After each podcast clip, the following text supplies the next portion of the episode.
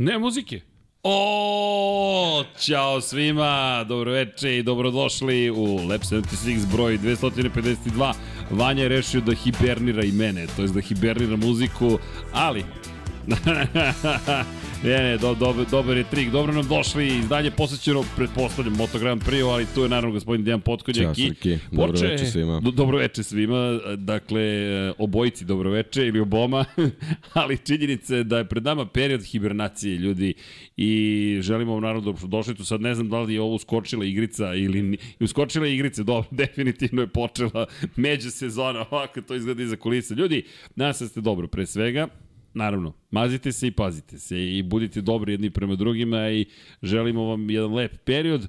Ne zaboravite, naredne, naredne srede nećemo se družiti. Zašto? Zato što očekujemo da se oporavljamo od utorka. Zašto? Zato što ćemo snimati Lab 76 broj 100 i pozivamo vas ovoga trenutka da u utorak dođete od 20 časova će već biti otvoren vrat, bit će i ranije naravno, ali od 20.00 zvanično za sve ljude koji vole Lab 76, Dogma Tap Room, dakle radnička 4 u Beogradu, to je zvanično zapravo punionica u okviru pivnice Dogma, s kojom, to su nam prijatelji pre svega, naš Flaške, koji prati inače podcast, pozdrav za celu ekipu koja je trenutno u Kataru, svestan sam da se čak i ja odigrava svetsko prvenstvo u futbolu, čak sam čuo da Japan pobedio Nemačku, Saudijska Arabija, Argentinu, ili imaš neko iznenađenje, neko ve, veće? Nema. Pa nema. To, Mislim, to su... ima nekih iznenađenja vezanih za neke rezultate u smislu da je bilo malo golova, ali to su, mislim, gde ćeš, gde, gde ćeš, ćeš veće iznenađenja. Ali ja, pre svega Saudijska Arabija, rekao bih, da, da, da, to je baš, da, baš iznenađenje. Da, da, Japan... Da. Mislim, Japan, kako su se vratili u meč, mislim, generalno jedna i druga utakmica, onako, zanimljivo je. Zanimljivo, zanimljivo svakako, Neobičan ali... Neobičan je period godine, neko ne može da se navikne da je svetsko prvenstvo, ali polako se to zahuktava. da, i zahukta će se biti to danas, posle ove utakmice, Nemačka, Tako Japan, mislim da će biti sve zanimljivije, a da mislim, ne pričam sutra. Mislim da će biti baš zanimljivo pratiti taj moment u kojem zapravo ljudi polako počinju da shvataju da nema šale i da nema pocenjivanja protivnika i to je lepota sporta koliko ljudi je otpisalo većinu reprezentacija koje dolaze, pre svega iz Azije, na primjer, ali generalno nije da ne pratim ljudi, ponekad se šalim, ali ponekad zaista nemam ni predstavu što se događa u futbolskom svetu. Ovoga puta to je malo drugačije, ali svesni smo takođe da je počeo period u kojem nema klasičnog trkanja. Pričat ćemo večeras, međutim, u svetskom šampionatu u Superbajku, baš zato što smatramo da zaslužuje da zaokružimo priču, a iskreno kada pogledate šta se zbiva u Moto Grand Prix, zaista je počela hibernacija. Ali, htio sam nešto drugo da kažem, a to je da se nadam da uživate svakako šta god da radite, čime god da se bavite. Mi ćemo iskoristiti međusezonu kao što smo rekli da proslavimo Lab 76 broj 100, tako da budete sa nama ukoliko želite utorak, to će biti takozvana dupla doza. Čega, nemam pojma, kafe ili nečeg drugog, ali činjenica da se družimo utorak i bit će tu i Deki, bit će tu naravno i Paja, Paja će malo da nam kasni, pošto je Vatrpolo Liga šampiona na programu i komentarisaće. S druge strane, uh, Imaćemo i, nadam se, goste koji su bili sa nama. Nećemo možda nužno praviti podcast u kojem će dolaziti i odlaziti gosti, nego više u kontekstu toga da budu sa vama, ukoliko želite da pričate da, sa njima. Da, apsolutno ne moraju da stoji za mikrofon. Tako je. Dakle, nije bitno. Bitno je da, da, da dođu da se druže i to, to je bitno. Mi bismo voleli prosto. To je već pre svega napredno za vas, a tako mi, je. mi smo tu zato što je stota emisija, pa mora pa nešto da se da, da emituje. Bude, tako je. ali, ali poente, gospodin Zoran da. Živko je potvrdio da će doći, pa eto, ko ima neka pitanja za gospodina Živkova, želi da ga i vidi i upozna i vidi popriča sa njima u Formula 1, takođe biće dobro. Došao nas da će se gospodin Đankić pojaviti, držim palčeve, trebalo bi, ali to su neki dragi ljudi pre svega koje mi želimo da vidimo, pa eto, pre svega da vidimo i vas, pa eto, koliko ste u mogućnosti, budite sa nama, udrite like, naravno, udrite subscribe i sve ostale lepe dugmiće. Kada je reč o onome što smo večeras pripremili, ne bih nešto dužio previše. Ljudi, ušli smo u onaj period kada je jel te period je nekako novogodišnji i polako se osjeća ta atmosfera, pogotovo u Moto Grand Prix. Par stvari, od prvog do sedmog izložba Valentina Rosija, to je posvećena Valentinu Rosiju. Dakle, Imamo više aktivnosti nego Moto Grand Prix. Tako je, zapravo mnogo više aktivnosti. Za osam dana, dakle, počinje izložba, već se to se približilo ljudi i u sklopu, pa ne samo promocije knjige, nije to više ni pitanje promocije knjige, u sklopu ne, ne. druženja i koncepta i svega onoga to je Deki ono, ono, ono što Knjiga si ti... je povod samo. Tako je. Tako je. To je povod da uradimo nešto što je Deki davno zamislio i nas zarazio. Dakle, Deki je taj koji je ne insistirao, želeo, sanjao određene izložbe i određenu izložbu. Ona se desila i to je predivno što se desilo. Radovi inače sa te izložbe najzad će doći i na web sajt. Uspeli smo i to najzad da sredimo, da izgleda kako treba. Tako da to je humanitarna bila izložba. Ovo je klasična komercijalna izložba. Dakle, mi ćemo prodavati radove koji budu izloženi i iz te perspektive nadamo se da, eto, da će nekom biti zanimljivo, bit će potpisani radovi, ali poenta nije čak ni u tome. Poenta je da mi želimo da pravimo izložbe koje su posvećene automoto sportu i sportu generalno. Nije ih bilo previše i prosto mi smo tim jednim preduzetničkim duhom rekli, e, mi ćemo da radimo ono što nam se dopada. Ako imamo mogućnosti, a imamo ih zahvaljujući vama, tako da bih se ja posebno zahvalio svim Patreonima, svim članovima na YouTube-u, svima koji doniraju super chat ili bilo šta slično tome čine, kupuju u našoj prodavnici, zato što te pare upravo ćemo potrošiti da organizujemo jednu izložbu. Tako da znate, dakle, gde, gde odlazi novac. Ponekad ode na novu opremu, na nove jel te, rasvetne objekte, da ne kažem rasvetna tela, neki put ode na mikrofone, na audio interfejs, ovoga puta otići će na izložbu, uh, humanitarna sredstva koje smo prikupili što se tiče Nurdora idu Nurdoru, ali ovo je sada od onoga što ste vi zapravo uradili za nas, mi ćemo taj deo novca sad potrošiti da napravimo jednu, nadam se, lepu izložbu, pa eto, pozivam vas da se družite, da upoznate Meta Oaksley, ko je kupio knjigu, Ko nije može da je kupi, naravno shop.infinitylighthouse.com, Valentino Rossi, sve njegove trke i mi smo izložbu nazvali prvo novogodišnja izložba, dakle to je neki, nećemo baš da kažemo poklon, to je vaš poklon zapravo svima koji vole, MotoGP i Valentina Rosija i zvaće se Valentino Rossi sve njegove sezone. Da, i nije mala stvar zaista, mislim, Jeste. Matt Oakley jeste čovjek koji napisao tu knjigu, ali Matt Oakley je čovjek koji je deo Moto Grand Prix. bukvalno. Znači, bukvalno jedan deo Moto Grand Prix dolazi sa Metom Oakley. Dolazi da se druži, eto, s nama. Sa, na, to je, sa vama. To je onako suština te čitave priče. Znači, nije to samo neki pisac tamo, ne. neke knjige, nego zaista čovek koji, čije mišljenje je jako bitno i čije mišljenje ponekad boli neke druge. to smo videli ove godine, Jest. ali ove vreme će pokazati ko je u pravu. Da, i sa njim dolazi Henk Kulemans, čovek koji je zapravo fotograf većine fotografije u knjizi. Ono što je nevratno kod Meta Oaksleya i kod Henka Colemansa, mi pričamo ovo što je Deki rekao u istoriji Moto Grand Prix. Meta Oaksley inače napisao još neke knjige i mi se nadamo da ćemo dobiti prava, to jest kupiti, dobiti za neka je spreman da nam ustupi prava, ali neka imaju njegovi izdavači. Zen ili ti umetnost vožnje motocikla, to je trkanje motociklom, je jedna od knjiga, ovo je isto monumentalno delo, Meta Oaksley napisao. Stealing Speed, inače snima se film po ovoj knjizi koja još nije prevedena, Stealing Speed, Meta Oaksley, tako da su to neke lepe stvari koje, koje se dešavaju oko nas. Ima tu još nekih knjiga koje želimo da, da, da jel te, objavimo, da ih prevedemo, pripremimo, ako pratite šta se događa. E da, ko želi, ko voli Formulu 1, samo da ne zaboravim, ovo je takođe bitna stavka. U pretprodaji je trenutno sa 30% popusta. Opet imamo i muziku, ovoga puta vidi ga novo u pretprodaji i knjiga. Dakle, šampioni Formule 1 i zaista reče o monumentalnom delu i mi ćemo nastaviti ovo da radimo. Biće džepnih knjiga, biće takozvanih klasičnih knjižnih formata i bit će monografija i baš smo uzbuđeni, malo možda pričamo tako opuštenije, ali činjenice da zapravo smo i dalje kao klinci koji ne mogu da veruju, zapravo veruju jer to je jedino moguće da ostvaruju neke svoje snove, pa eto između ostalog i izložba koja će biti u galeriji štab je deo toga. Znači, to smo, to smo mi pripremili za međusezonu između ostalog. U decembru, podsjećam, imat ćemo analizu prvog dela sezone, u prvom podcastu u decembru, u drugom podcastu drugog dela sezone i to već imam, imam radne naslove. Fabiovo poluvreme, Franceskovo poluvreme. 2F. Tako da to, to je bukvalno tako izgleda, kao da je neko podelio kome pripada koji deo sezone, a iz jedne druge perspektive imaćemo i pogled na Moto dvojke i Moto trojke, pa i Moto E kategoriju, naravno da ih ne zaboravimo, da ne zapostavimo.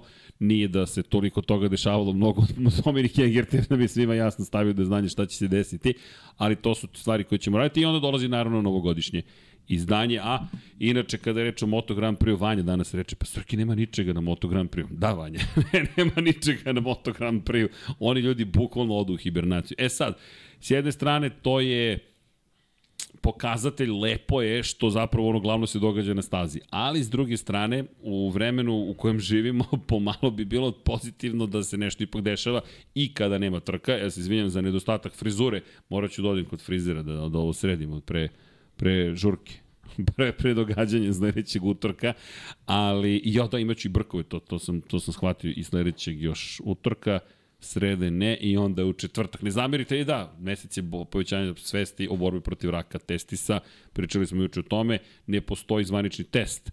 Ono što možete da uradite jeste, jel te bukvalno fizički da, uradite samo kontrolu i ukoliko nađete neku kvržicu koja ne boli, to je nešto što biste morali odmah da odete da proveri i urolog i da se urade testovi neki drugi koji mogu da dovedu do toga. Da, dakle, kada kažemo test, ne postoji nešto što možete da uradite da ne odete na magnetnu rezonancu ili na skener ili biopsije i tako dalje i tako dalje. Da vas ne plašim, pojenta je kako se rano otkrije, neke stvari mogu da se izleče, tako da eto, to je naša preporuka. Zato i puštamo brkove. Deki ne mora, pošto je opremljen, tako da on trajno podiže svest o tome.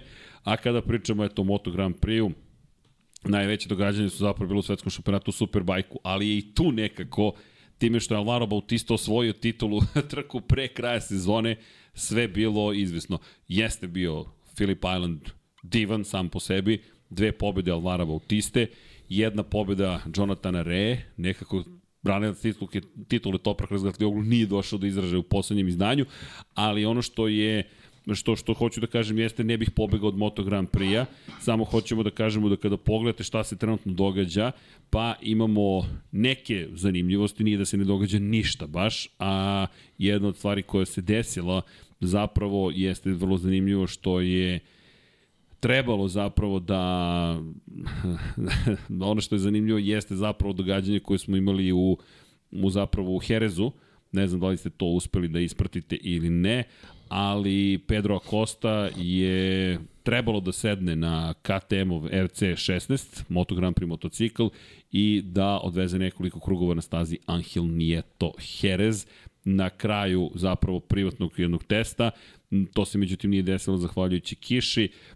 Inače imao je privatni test zajedno sa Albertom Arenasom, čovekom koji je svoju titulu, titulu pre a, oprostite, pre nego što je Je Kosta stigao u šampiona 2020. 21. je Kosta stigao svoju titulu, njih dvojica će predstaviti Red Bull KTM Ajo, inače tu su bili i Denis Ondžu i Jose Antonio Rueda, dakle tim zapravo Aja, to je Red Bull Aja je iskoristio priliku da testira. Ono što je zanimljivo, pridružujem se i Dani Pedrosa, probni vozač KTM-a, tako da su to već neke stvari koje su priprema za 2023. Inače u Portimao ćemo imati naravno prvo se trku sezone, nemojte zaboraviti da ćemo u martu imati naravno i testiranja i privatne testove i tako dalje i tako dalje, ali eto to da spomenemo i da vam napomenem da imate naravno crni petak, da ne kažem Black Friday, ko želi nešto da kupi na Moto Grand Prix, mogao bi na sajtu Moto Grand Prix traje popust od 21. do 28. Eto. Pa nešto se i desilo. I to je to.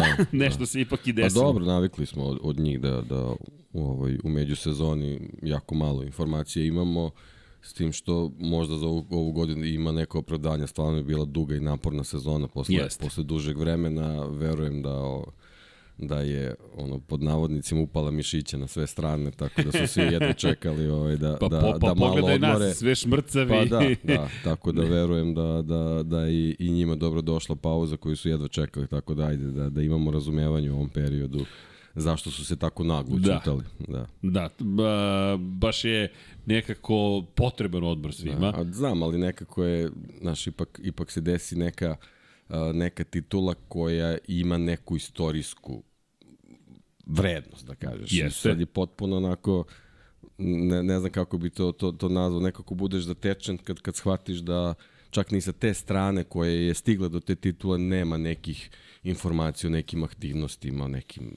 nemam pojma, bar neka promotivna snimanja ili nešto. Eto, dobili smo neke, neke informacije, su samo prošle, eto kolika je zarada Peka Banja je bila u 2022. Mada ja ono stvarno sa, sa te strane svi znaju koji su uh, i, i pratili i, i sports magazin. Ja se stvarno trudim da, da sa te finansijske strane te neke, te neke elemente ne, ne, ne stavljam u prvi plan, ali eto, to je bila neka informacija koju smo dobili i, i apsolutno ništa spektakularno više i naravno opet u celu priču bacuje Valentino Rossi i, i njegov kamp i, i, i ova endurance trka što će da bude i opet on uzima tu neku, neku priču svoje ruke da, da, da se neke aktivnosti dešavaju tako da Što se tiče Moto Grand Prix, izgleda da to stvarno treba da dođe neka, neka, neka sveža krv koja će u tom marketingu možda nešto malo da poradi, ako uopšte žele to da, da urede na taj način, malo da se taj PR popravi.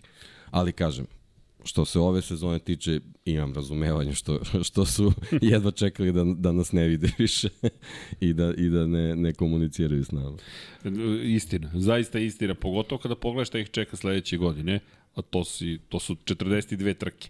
Inače, mi ćemo se tokom međusezone malo pozabaviti, nadamo se i gostima, malo osvrtom na istoriju, malo ćemo iskoristiti priliku da pričamo o nekim ljudima koji možda nisu ni zapamćeni. Inače, kada reče o Oaksliju, sa Oakslijem i sa Kulemansom planiramo da imamo podcast, da, da ne citiram ponovo Oaksley, ali sam je on rekao naravno da ćemo da se družimo, nelogično bi bilo, to je glupo bi bilo da ne uradimo podcast, tako da eto, pripremite pitanja koje imate za čoveka koji, nisam zaboravio sam da napomenem ko je Hank Kulemans. Hank Kulemans je poznat u Moto Grand Prix-u i često možete zapravo da ga vidite na trkama pored garaža i on je jedan od onih poluprimetnih ljudi koji stalno vire iz garaža. Inače, Kulemans je čovek koji je sada već u nekim mal, malkice poznim godinama, on će uskoro imati 70 godina i već dugo fotografiše, da. zaista. Od, od malih nogu fotografiše i to je skoro 50 i nešto godina fotografisanja svetskog šampionata u motociklizmu.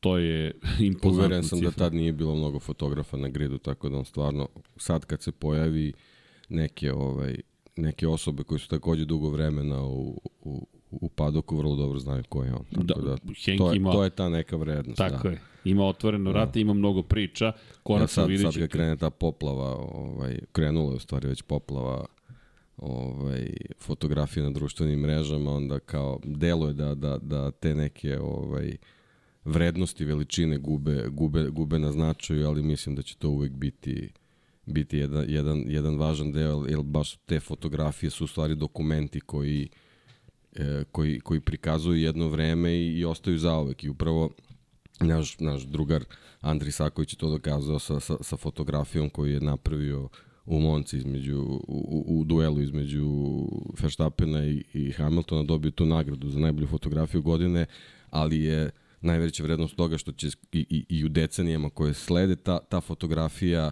uh, predstavljati jednu čitavu sezonu. I, i to, to je nešto kažem, što da neko staviš... mogu da uradi samo na taj način. To niko od nas ne može da uradi ni telefonom, ni, ni na bilo koji način. To zaista treba da uradi jedan profesionalni fotograf da bi to, to bio pravi dokument. Samo je zamisli na naslovnoj strani. Ne moraš ništa da napišeš. Ko zna, zna. Tako to je 2021. i simbolična izuzetno fotografije. Simbolizuje taj njihov duel i beskompromisnosti jednog i drugog i agresivnost i konačno ima i simbolike u tome nekako preko Luisa Hamiltona do titule uz sve kontroverze koje su se desile i uopšte ne ulazim u to ko je u pravu, nije u pravu, nego prosto to je pokazatelj jedne godine, jednog trenutka, jednog vremena, jer za 10 godina to će biti neka druga era.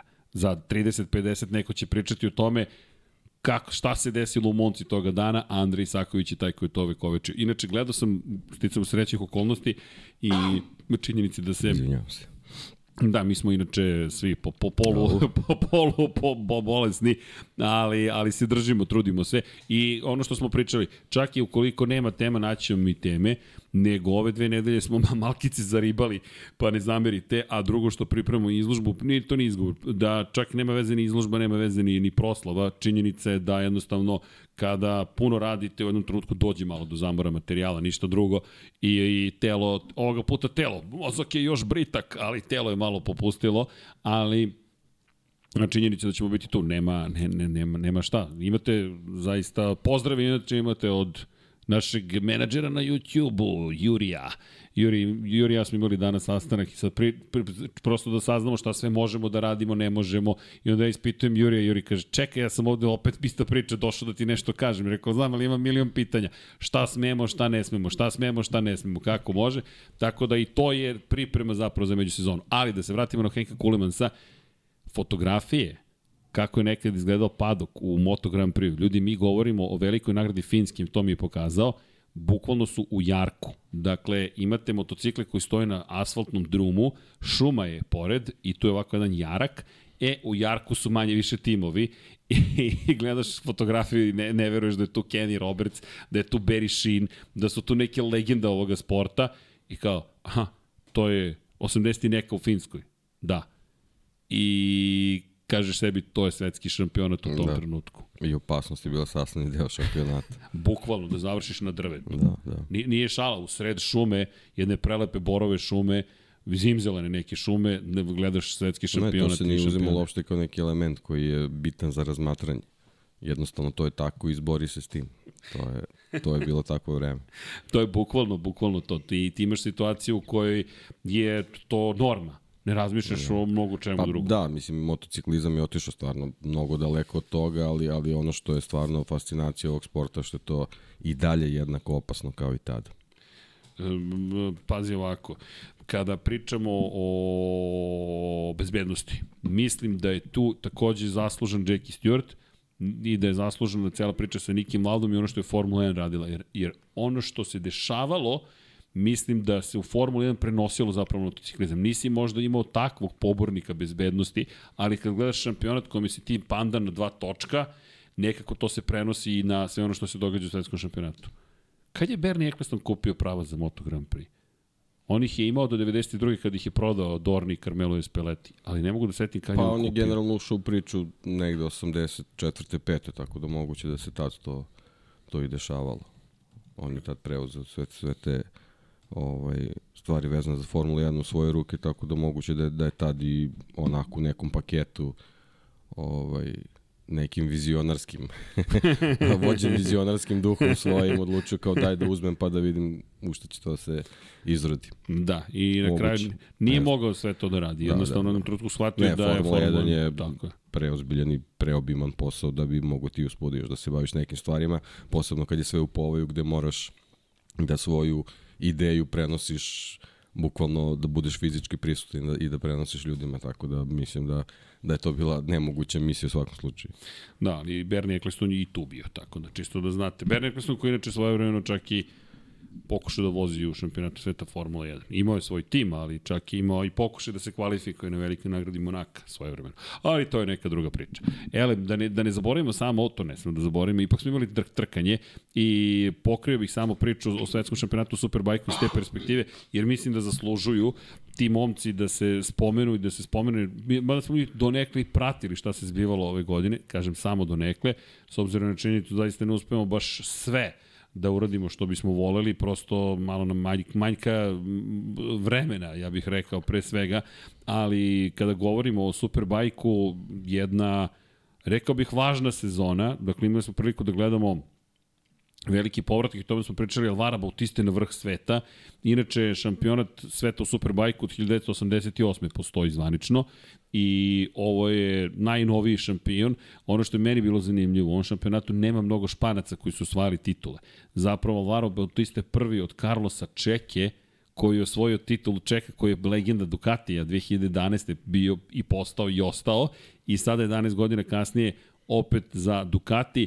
Ono što mi je takođe bilo zanimljivo, poslednji Ducatijev šampion jeste bio Carlos Čeka i Ducati je mnogo čekao na tu titulu a onda se pride ko čeka potrebno dočeka. dočeka dočekao je da ima i šampiona sveta u da. Moto Grand Prix pa dobro ali ta, ta priča sa Špancima je povezana usko povezana sa svetskim šampionatom mislim da smo baš skoro pričali o tome Španci su u svetskom šampionatu bili fokusirani na neke niže kategorije. Da. I samim tim korak do, u kraljevsku klasu je bio nešto više od Superbajka, tako da verovatno iz tog razloga njima Superbike nije bio u fokusu zato što su već okupirali bili te niže kategorije u svetskom šampionatu, što je u stvari pandan Superbajku, tako da ovaj, Superbike je nekako bio uh, kako bih rekao, rezervisan za vozače iz neke, neke centralne Evrope, uh, taj, taj, ne, ta neka priča, ta, ta neka Nemačka, Italija, Francuska, recimo, Holandija, naravno, gore,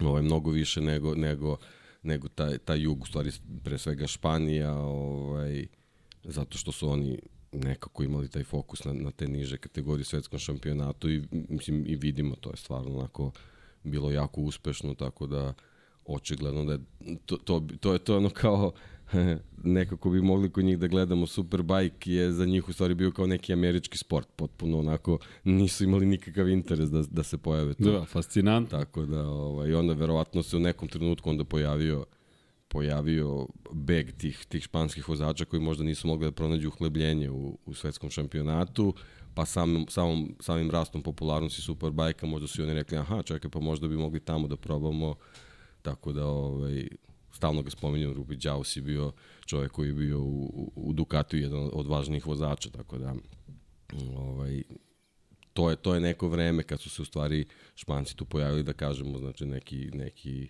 početak 21. veka u principu pre toga onako verovatno su sporadično bili, bili u toj čitavoj priči. Pa neko se potrefilo za dominacijom Amerikanaca u svetskom šampionatu u motociklizmu u kraljevskoj klasi. Inače, Fred Merkel je bio prvi šampion i odmah je odbranio titulu. I generalno period je bio to u kojem su Amerikanci zaista bili na sve strane pres, izuzetno prisutni. Scott Russell je prvi Kawasaki doneo titulu. Inače, Honda i Ducati su se uglavnom smjenjivali na vrhu sveta. Kawasaki imao pa taj... Pa ja mislim da je Kawasaki sa, sa, sa pojavom Ninja, u stvari, pre svega, uh, oni su našli, pošto uh, verovatno nisu u tom trenutku mogli da pronađu svoju pravu poziciju u svetskom šampionatu vezano za, za, za promotivne aktivnosti. Superbike je nekako onako, evo vidimo i kroz ovu eru uh, Johnny Rea, da u stvari da, da, da je Kawasaki nekako brend koji je rođen za, za, za Superbike i u stvari nekako je ta popularnost bila povezana i neko se, nekako su ovaj, tako rasli. No, ja, ja se sećam kao klinac kad gledaš te trke, kad vidiš koliko je zelenih čudovišta na gridu, u stvari shvatiš koliko je taj motocikl u tom trenutku bio popularan i, i, i kako je u stvari sa, sa, sa, sa njihovom pojavom u tom svetskom šampionatu i, i, i njihov taj komercijalni deo ovaj, zaista porastao, a to je u stvari sve bilo povezano, jer je na taj način uh, velika publika, velika količina publike dolazila na te trke i samim tim je to, to bilo postalo privlačno polje i za, i za bolje motocikliste, pa smo tako i tu već dobili neke legendarne trke već tamo negde 90. godina. Da, to je ono što je uvek pitanje, znaš, ko je zapravo osnovao super, ko je prvi, da. ko je prvi superbike? Inače, ti ja smo pričali o, o Tomu Cruzu, u, na primjer, da. u Top Gunu, kad čovjek koji je na Kawasaki bio i ka, da. u prvom Top Gunu i činjenice su Japanci bili prvi ti koji su nekako, ne kažem prvi, komple, kompleksna, to je kompleksna, jeste izmešana istorija svak, svih vozila, imamo super automobile, ali nikad super cars nekako nije postao taj koncept kao superbike, superbike je baš kategorija motocikala postala. I, pa da, onako pojavilo se ono magično slovo R. Da. Znaš, R, R, R, Racing. C, B, R, V, F, R. I onda kako se to R pojavilo, ovaj, nekako je, nekako je krenula i groznica ovaj, vezana za, za, za, te, za te motocikle. Znaš, onako one agresivne oplate i to je već sve krenulo ovaj, na, na, na tu neku stranu, onda s druge strane imao si, kad, kad već pričamo o Superbajku, ti si u tom trenutku imao trke, ja kad se setim, mislim, ti si imao trke na, na Hockenheimu. Na, na starom, Hockenheimu, na starom Hockenheimu. Na starom Hockenheimu, ko ne kakve zna. Su, kakve su trke bile. Ideš pravo ovako, malo skreneš levo, desno i, i to je desno, levo, desno, ispraviš jednu krivinu, onda voziš, voziš, voziš, voziš, voziš, desno, levo, desno, voziš, voziš, voziš, voziš, voziš, voziš, voziš, uđeš sa stadion desno, skreneš levo, levo, desno, desno, izađeš na startno ciljni pravac, kratki, desno i vrati si se u šumu. Oni su u stvari u jednom trenutku, sad kad bolje razmislim, oni su u stvari te te trke prebacili napravili su šampionat na kružnim stazama koji su stvari ličili Bravo, na te, deki. te staze. Bravo, deki, to je, stvari, to je to. Da, to je u stvari, to je u stvari taj recept bio zašto je Superbike postao popularan. Evo da. ovako, na pamet, ali ajde, razložit ćemo jednom pa ćemo da vidimo da, da, jednom moramo da, da napravimo celu istoriju. Celu. Ali znaš, kad ti imaš 6 km krug i voziš tom brzinom, da, to prilično liči na TT. Ali, ali fascinantno i Formula 1 je meni tom starom hokeju bilo fascinantno. To samo ide, samo je čuješ i samo se blago povećava, povećava, povećava, povećava, onda se poveća. Jeste, ali, ali motocikl tamo je, mogu da zamislim kako to izgledalo. Da, I kako da. je zvučalo. Možda misliš kako to dijekuje.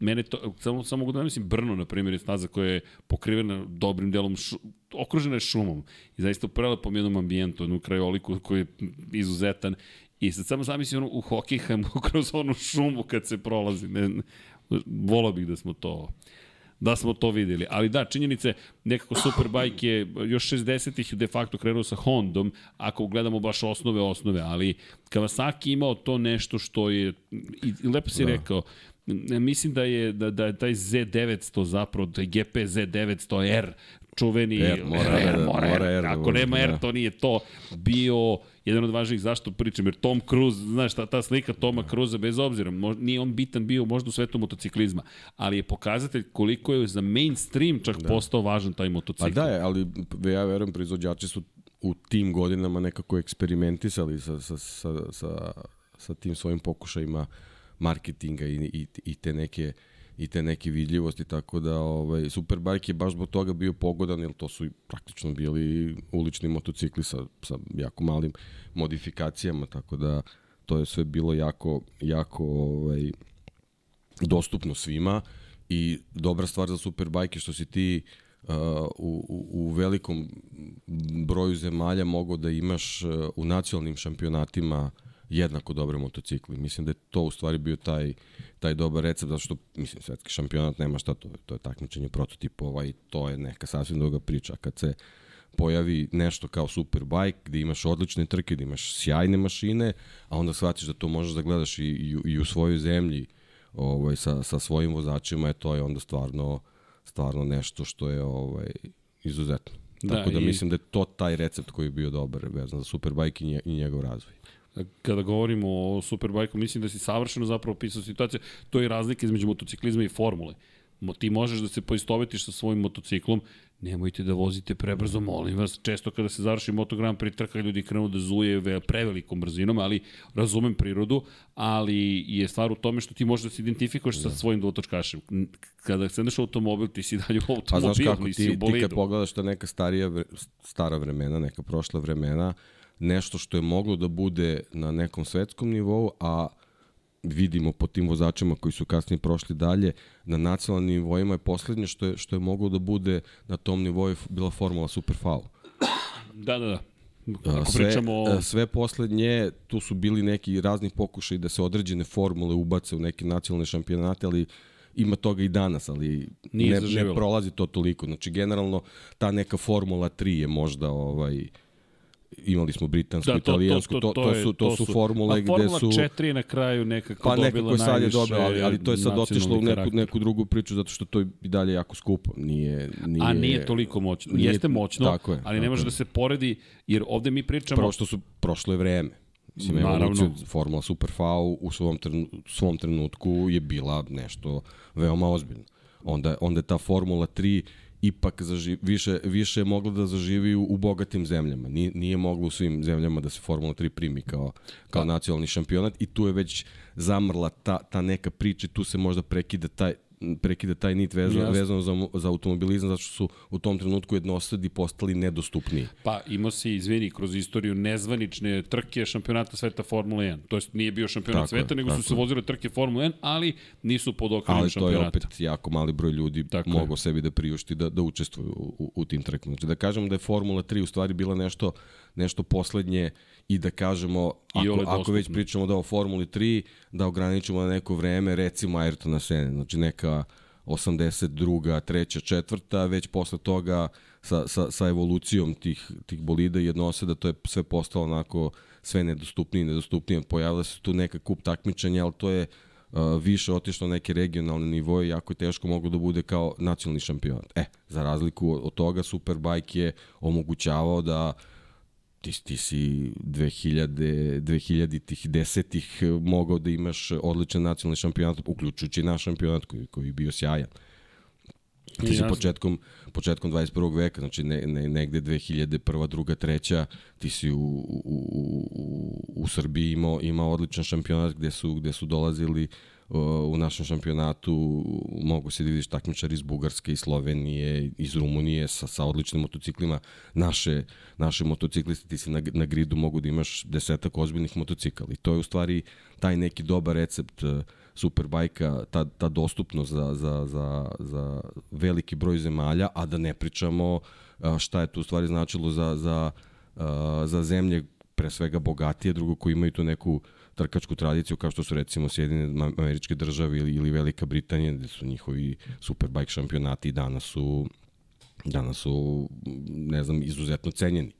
To je, to je, to je nešto što, što je stvari najveća veličina Superbike, kad pogledamo, na primjer, jedan Danilo Petrući svoju karijeru držao tako što je vozio u Americi Superbike šampionat veliki broj britanskih vozača, ako ne uspeju u svetskom šampionatu, vrate se u, u, u britanski šampionat, da probaju sezonu dve, da nekako porave svoju karijeru, pa da pokušaju ponovo u svetskom šampionatu. I tako taj Superbike u stvari sebe drži. Naravno, glavna stvar za, za njih je e, ta neizvesnost takmičenja u svetskom šampionatu, a evo, ove godine smo imali čak trojicu vozača koji su do nekog trenutka konkurisali za, za titulu. Evo, ne, jedna samo, na primjer, stvar kada pričamo o, ne znam, kajdemo da pričamo o vremenima, šta hoću da kažem. Kada pogledaš rezultate koje jedan Superbike motocikl mogao da ostvari, I kada pogledaš rezultate Moto Grand Prix motocikla na toj istoj stazi, u tom istom periodu, evo uporedit danas Ostrovo Filip, dakle imali smo priliku da, da se vozimo na Ostrovo Filip. Johnny Rea najbrži, na primjer, 1.31, 1.27. Dakle, vratit ću se samo koliko? Tri nedelje unazad, četiri, možda malo ma, možda i više, ne, četiri nedelje i odemo mi lepo na veliku nagradu Australije, pogledamo kvalifikacije, kažemo, ok, tu smo imali najbolje krugove, 1.27.767, dakle, Razlika postoji, neko priča, pa to se sad izjednačilo, ne, ne, ne, nije se, na nekim mestima će se približiti, ali se nije izjednačilo, dakle mi govorimo o neke 3,5 sekunde razlike.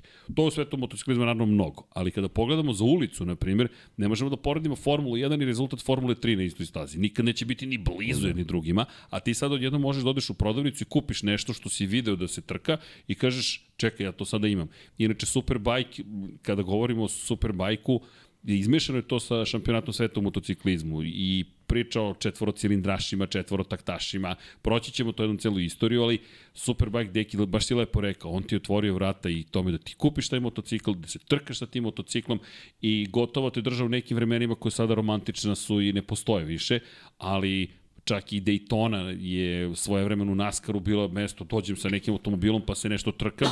Inače čak i istorija Superbajka do nekle povezana sa Daytonom, ali motociklističkom Daytonom, gde smo imali zapravo prvu situaciju u kojoj je Honda pobedila, Honda koja je 68 prva predstavila tu vrstu motocikla zapravo, jer, jer od, tog, od tog CB-a praktično sve kreće. Tako je. Kao što, to je taj CB 750 koji.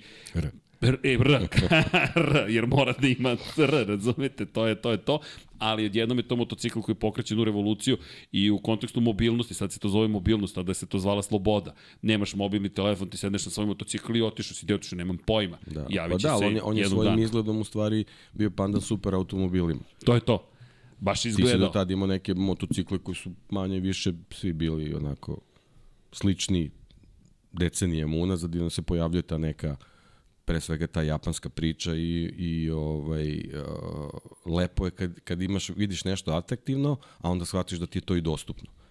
I to je u stvari bio taj, taj pogodak sa, sa tim šampionatom. Naravno da je onda potpuno prirodno da će neki japanski proizvođač da, da svoj brend u Sjedinim državama predstavi tako što će doći tamo na najpopularniju trku i pobediti. Da. Jer, jer to je tad bilo jako bitno. Jeste. U tim vremenima je to bilo Jeste, jako bitno. to ti je sad, bio sad moment- možda to već postaje onako... Više vezuješ za istoriju. Pa jeste, sve, sve onako, nekako smo sad došli u, u, u, u, u vreme kad su se takve stvari uzimaju onako nekako zdravo za gotovo, ali, ali tada je zaista bilo jako važno da, da, da, da proizvod koji imaš promovišeš tako što ga u praksi uh,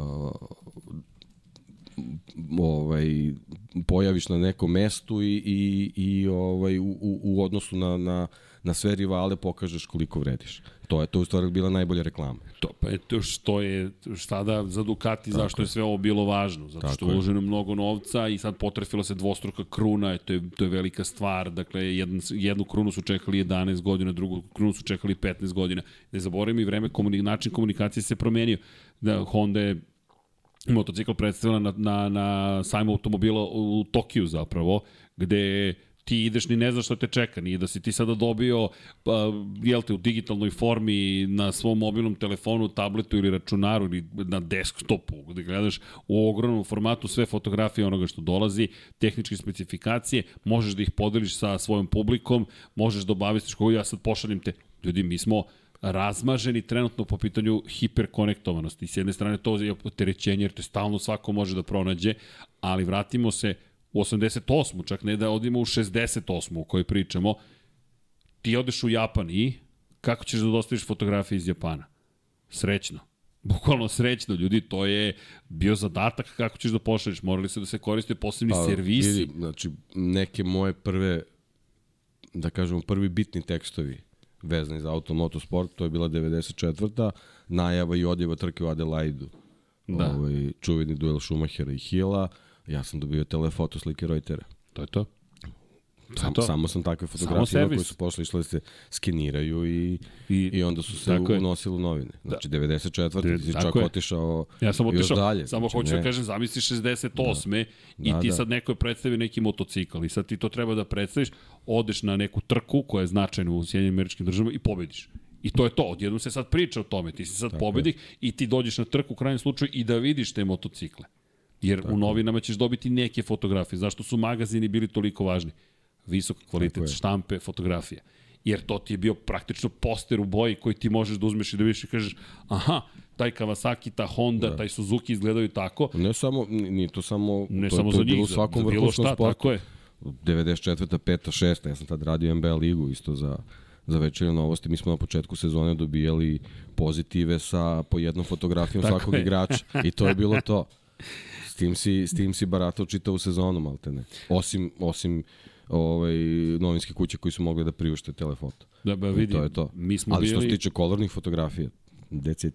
E, ja, ja sam u to vreme bio u žurnalu 1995 i bukvalno to servis, šta ima na servisu, tako to skupljaš. Je, I nismo imali praktično nikakve specijale sve do 96. gde pričao sam tu priču gde sam slučajno, slučajno, ima to, bio to plan, ali neko mi je dao predlog, ja ga usvojio, pozvao timove, najavio se timovi, uspostavio kontakt sa timovima I ne zaboravimo, mi smo u tom trenutku u zemlji koja je pod sankcijama za mene, sve što je negde van granica, u to vreme to je bila i dalje SR Jugoslavija, je kao svemirski brod dolazi s DHL-om, dolaze paketi od Ferrari, od Williams i tako dalje. I upravo to, ti tako dobiješ je. najveće blago na svetu, da diapozitive. Jako je važno da budeš dobar sa sekretarom redakcije. Ko zna koliko Ko... paketa nisam dobio uopšte. to, to, to, to. Da, ja sam imao vezu, tako da pa, sticam okolnosti sam bio dobar. Zato ti kažeš. imao sam protekciju. Dobro, pa neka kafa je tu završavala. Ovaj. Jeste. Ne, ja sam bio da kažemo klinac. Kafu. Da, da, da, ne samo što mi Ćale bio tu, već sam i bio klinac i onda ne. bio sam mali Erceg, prilike. Ma, Pajin mali, danas nik, nažalost, ni, ne, većina ljudi ne zna, ali zapravo moj otac je taj koji je bio stvarno dodajan sportskog novinarstva, od njega je, od njega je suštini krenulo i ja sam baš bio Pajin mali. Da, dragi slušalci, ovaj Erceg ovdje u stvari Fake. Fake. Postoji jedan veći Erceg. Ima, ima, da, boga da, mi, da, ima da. neko ko je zaista... Da Baš ne veze što mi je tata, ali da. čovjek koji da. je lumen bio za te. Legenda. Legenda, zaista. Legenda. Dojajan sportskog novinarstva, baš, nema šta. To je ta nekolicina novinara iz tog perioda, ja sam samo imao sreću okolnost da, da, da radim s njim. Znam da se jedna od e, devojaka koja je radila uz redakciju duševila što se neko suprotstavio pa Jercegu. to sam bio naravno ja, drski, bezobrazni klinac koji nema pojma da narušava autoritet svog oca na poslu, jer se svađa sa svojim ocem. Zapravo to je sasvim normalno. Imamo sam 19 godina, ti ćeš da mi pocepaš tekst. Hvala tata što si ga pocepao. Nije bio vredan štampanja. Ali da, ali to je, to je tako izgledalo. I onda doćeš da dobijaš diapozitive i I, i ti imaš, odjednom imaš najveće blago na svetu. Ti sada možeš da praviš, žurnal je izlazio i tada u boji, to je bilo čudo, 91. stigla mašina iz Japana za štampu dnevnih novina u boji. Da. I ti nemaš šta da štampaš u boji zato što nemaš izvornih fotografija. I sad mi odjednom dobijamo fotografije.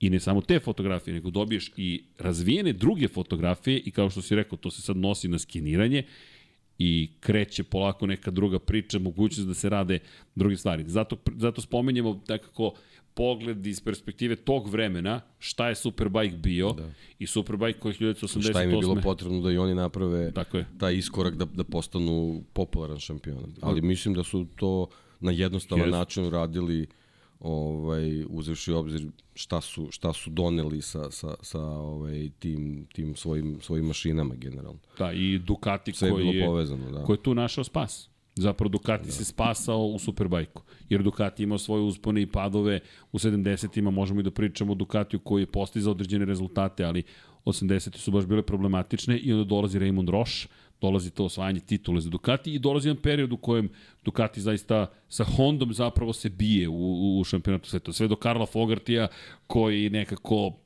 Fogi je bio u nekoj svojoj priči. Nije da Honda nije osvajala titule, ali Fogi je bio taj koga su svi pa, gledali. Pa, kako bi rekao, prva ozbiljna promocija Ducatija. Da, da, e, baš lepo rečeno. Da neko kaže, čekaj, ovi se ne šale. Ovo nije, nije kao ono ne, nešto što se desilo kao slučajno, pa ne, ne, kad neko veže, veže više, više sezona da dominira šampionatom gde su svi manje više jednaki, je to onda stvarno onako svima, svima zapadne za oko. I još jedna bitna stvar, naravno Matrix koji se desio, ali da samo napomena, odnos snaga je Ducati ovolitski. Ako gledamo u odnosu na, na Honda, Honda ne može staje, zaista da stane u kadaru iz te perspektive, a taj isti Ducati iz Bolonje se nameće tamo nekoj kompaniji koja proizvodi pobedničke boli, motore za Formulu 1, bolide Formulu 1, osvaja titulu u svetskom Pa u nekako se, motociklizmu. sve se pogodilo sa, sa Duanom, njegovom dominacijom Da. sa Hondom, a onda to isto Superbajku radi Karl Fogerty. Da, to je taj period, 94. Tu, je, 5. tu, je, tu su krenuli ljudi onako više se pitaju čekaj šta, šta taj Ducati u stvari tako radi kad je uh, nije bila tad velika razlika između kraljevske klase i, i Superbajka u smislu uh, popularnosti tih vozača u krugovima koji prate motociklizam. Tako da, da ovaj, to što je, što je Karl Fogerty tad uradio stvarno je bilo onako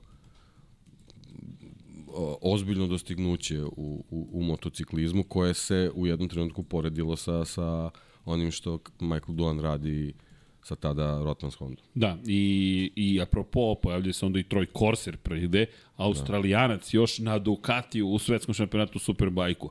Ko ste sad pa vi? Honda koja je pokušala da uzvrati.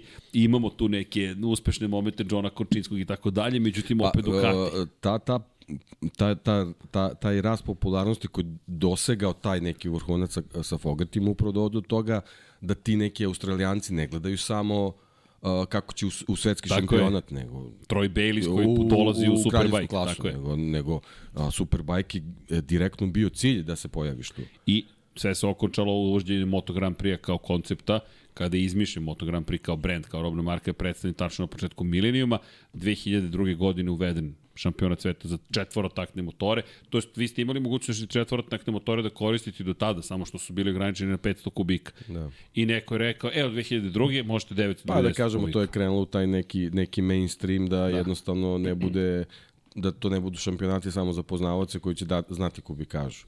Pa, I, nego jednostavno ovo je Moto Grand Prix I i, kraj priče, stvar. to je to. To je perjanica i to je to. dvotaktaši su prestali da budu relevantni. Da, I nekako da. tu jeste Superbike popustio, ali popustio. Izgubio je na toj popularnosti. Još je Rossi otišao, ostao u svetskom šampionatu super, u, u Moto Grand Prix-u i Moto Grand Prix je otišao na svoju stranu, ali Superbike i dalje volimo da Superbike pratimo. je ostao za sladokuscu, onako, da nekako šampionat i, I sjajno trkanje. svako, svako ko, ko je onako zaljubljenik u moto, motociklizam, ne verujem da može da kaže da, da nije jednim okom uvek gleda šta se dešava u Superbike-u.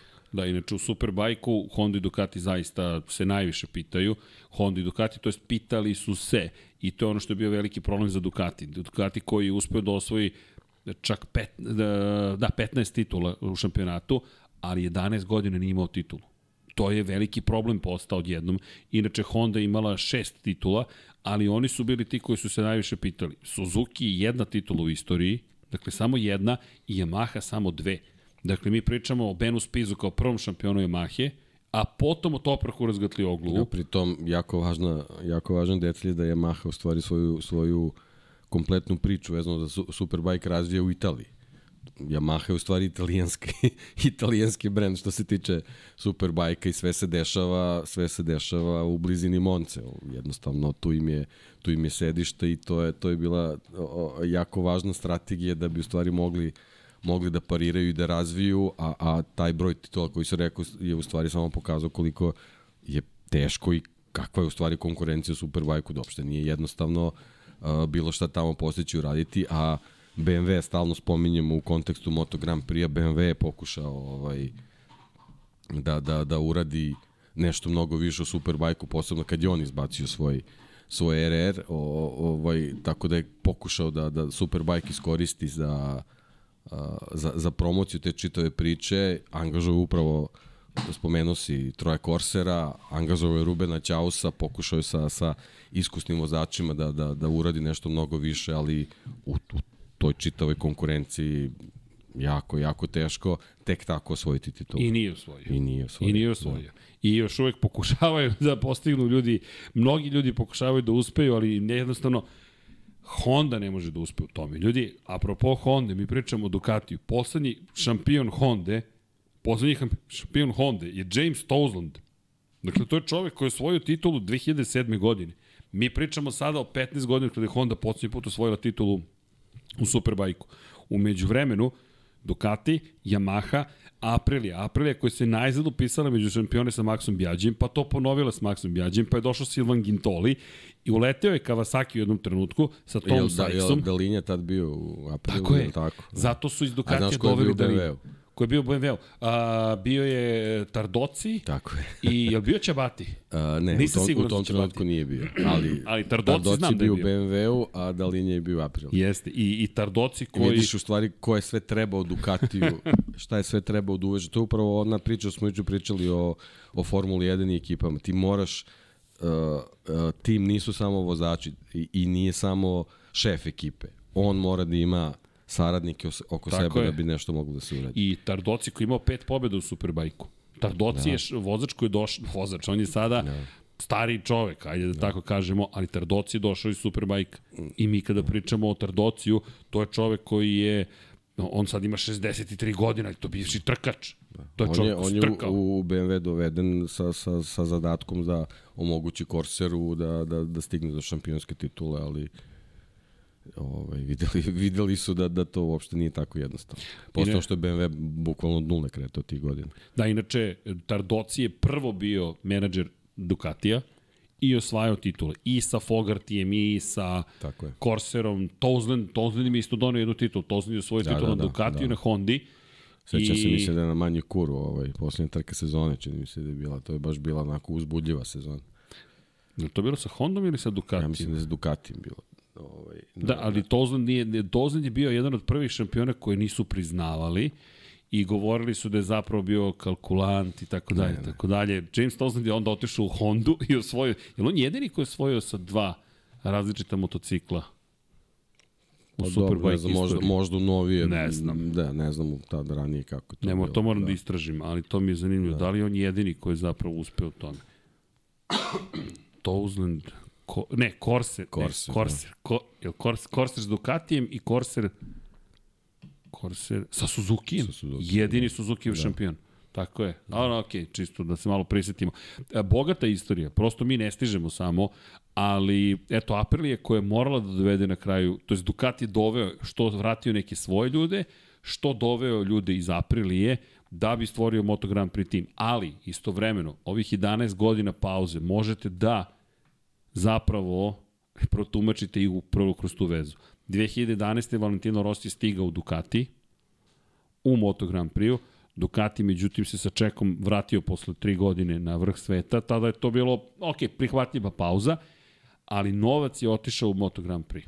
I od 2012. Ducati nije toliko investirao u Superbike, počeli su polako da se vraćaju, Alvaro Bautista u jednom momentu malo nije doneo titulu u svom prvom pokušaju Superbajku, pa to je izjelovilo nekako. I ne zaboravimo, jedna od najtužnijih sezona, Noriyuki Haga. Noriyuki, Nitro Nori. To je inače Yamahin vozač, koji je godinama s Yamahom pokušavao da osvoji titulu i nije uspeo.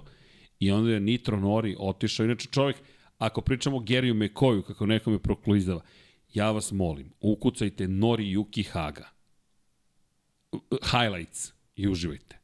Ništa drugo. Dakle, samo idite na YouTube i pogledajte šta je radio Noriyuki Haga. Taj stil je pokušao da prenese u Moto Grand Prix u jednom kratkom periodu. Inače, te 2009. kada je Spiz osvojio titulu, Noriyuki Haga za mene i dalje ostaje najbolji vozač svih vremena Superbike koji nije osvojio titulu.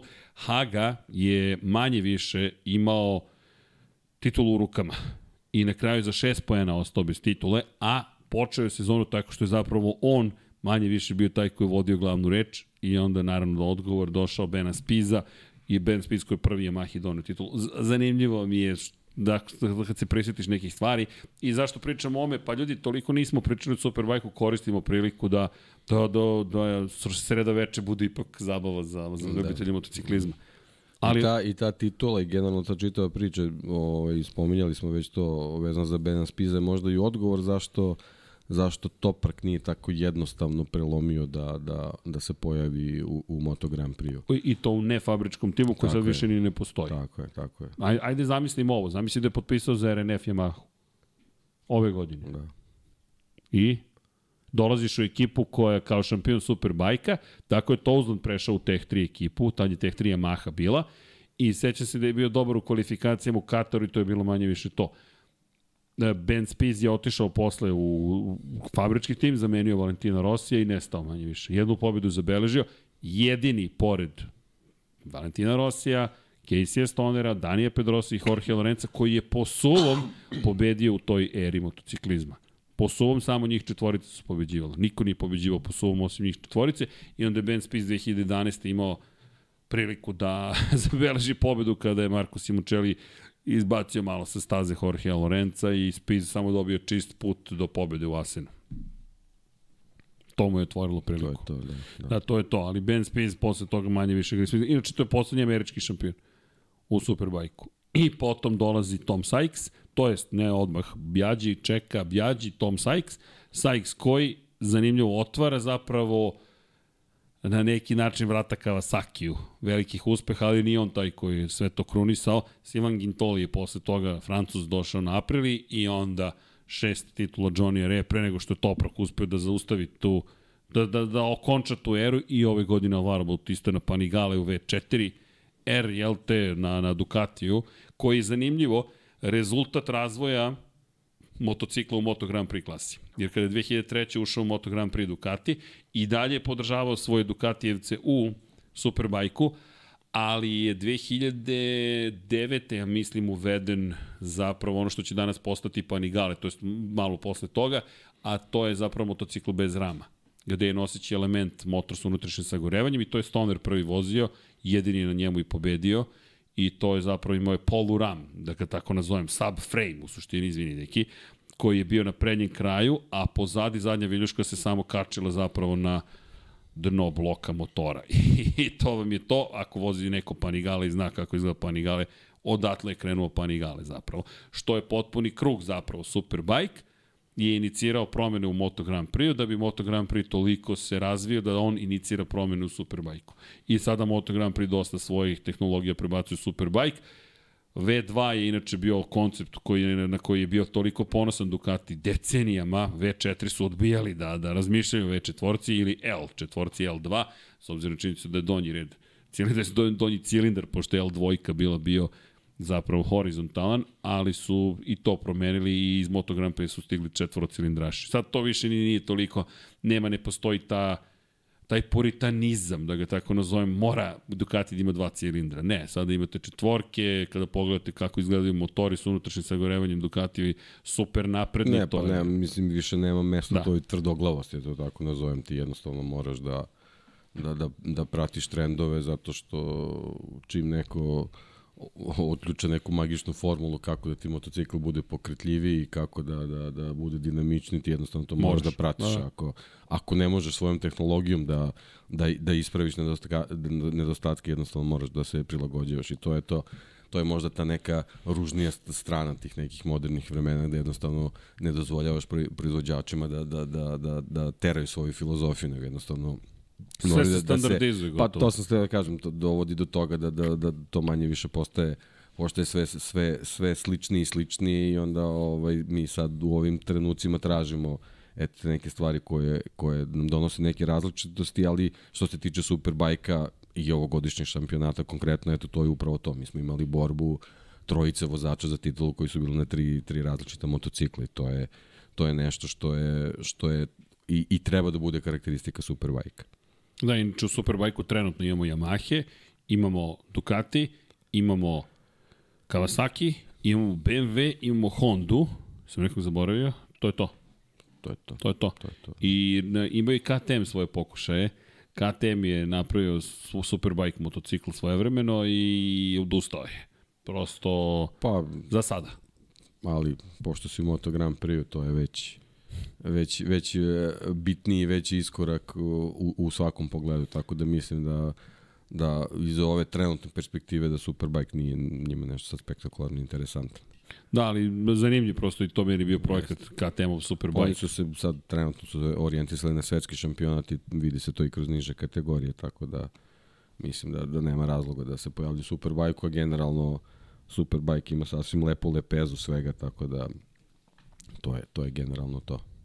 Da, i kada pričamo, i ne mislim da Duke volo bih, nešto izvini, slično. Volo bi u, u, u svetlu svih ovih gašenja programa Suzuki-a, nažalost, sa kojima smo se susreli na kraju ove sezone i definitivno jednostavno sve garaže su spušteni su zastori i, i nema ničega što tiče Suzuki, volao bih da u jednom trenutku, ako odluče da se vraćaju na svetsku scenu, da to bude upravo Superbike šampionat. To bi onako nekako baš, baš bilo onako lepo.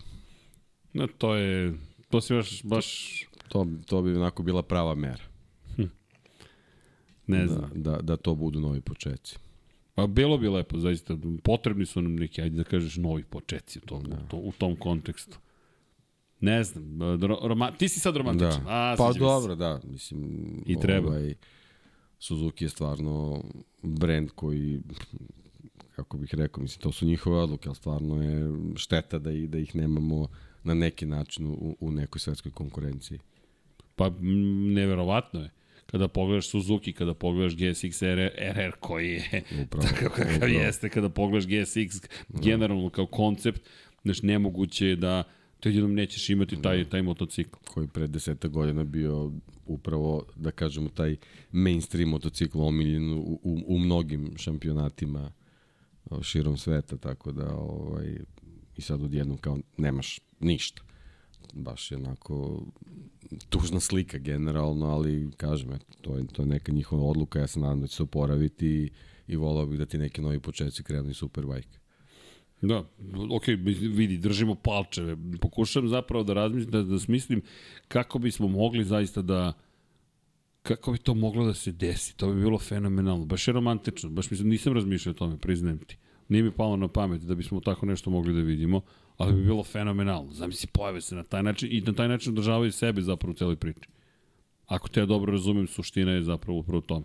I dalje su živi, i dalje su tu nekako Tako na je. korak od cele priče. Tako je. Jer ćemo mi svakako krajičkom oka gledati uvek ka tome i govoriti, ej, a gde je u celoj ovoj priči Suzuki? Suzuki je tu negde.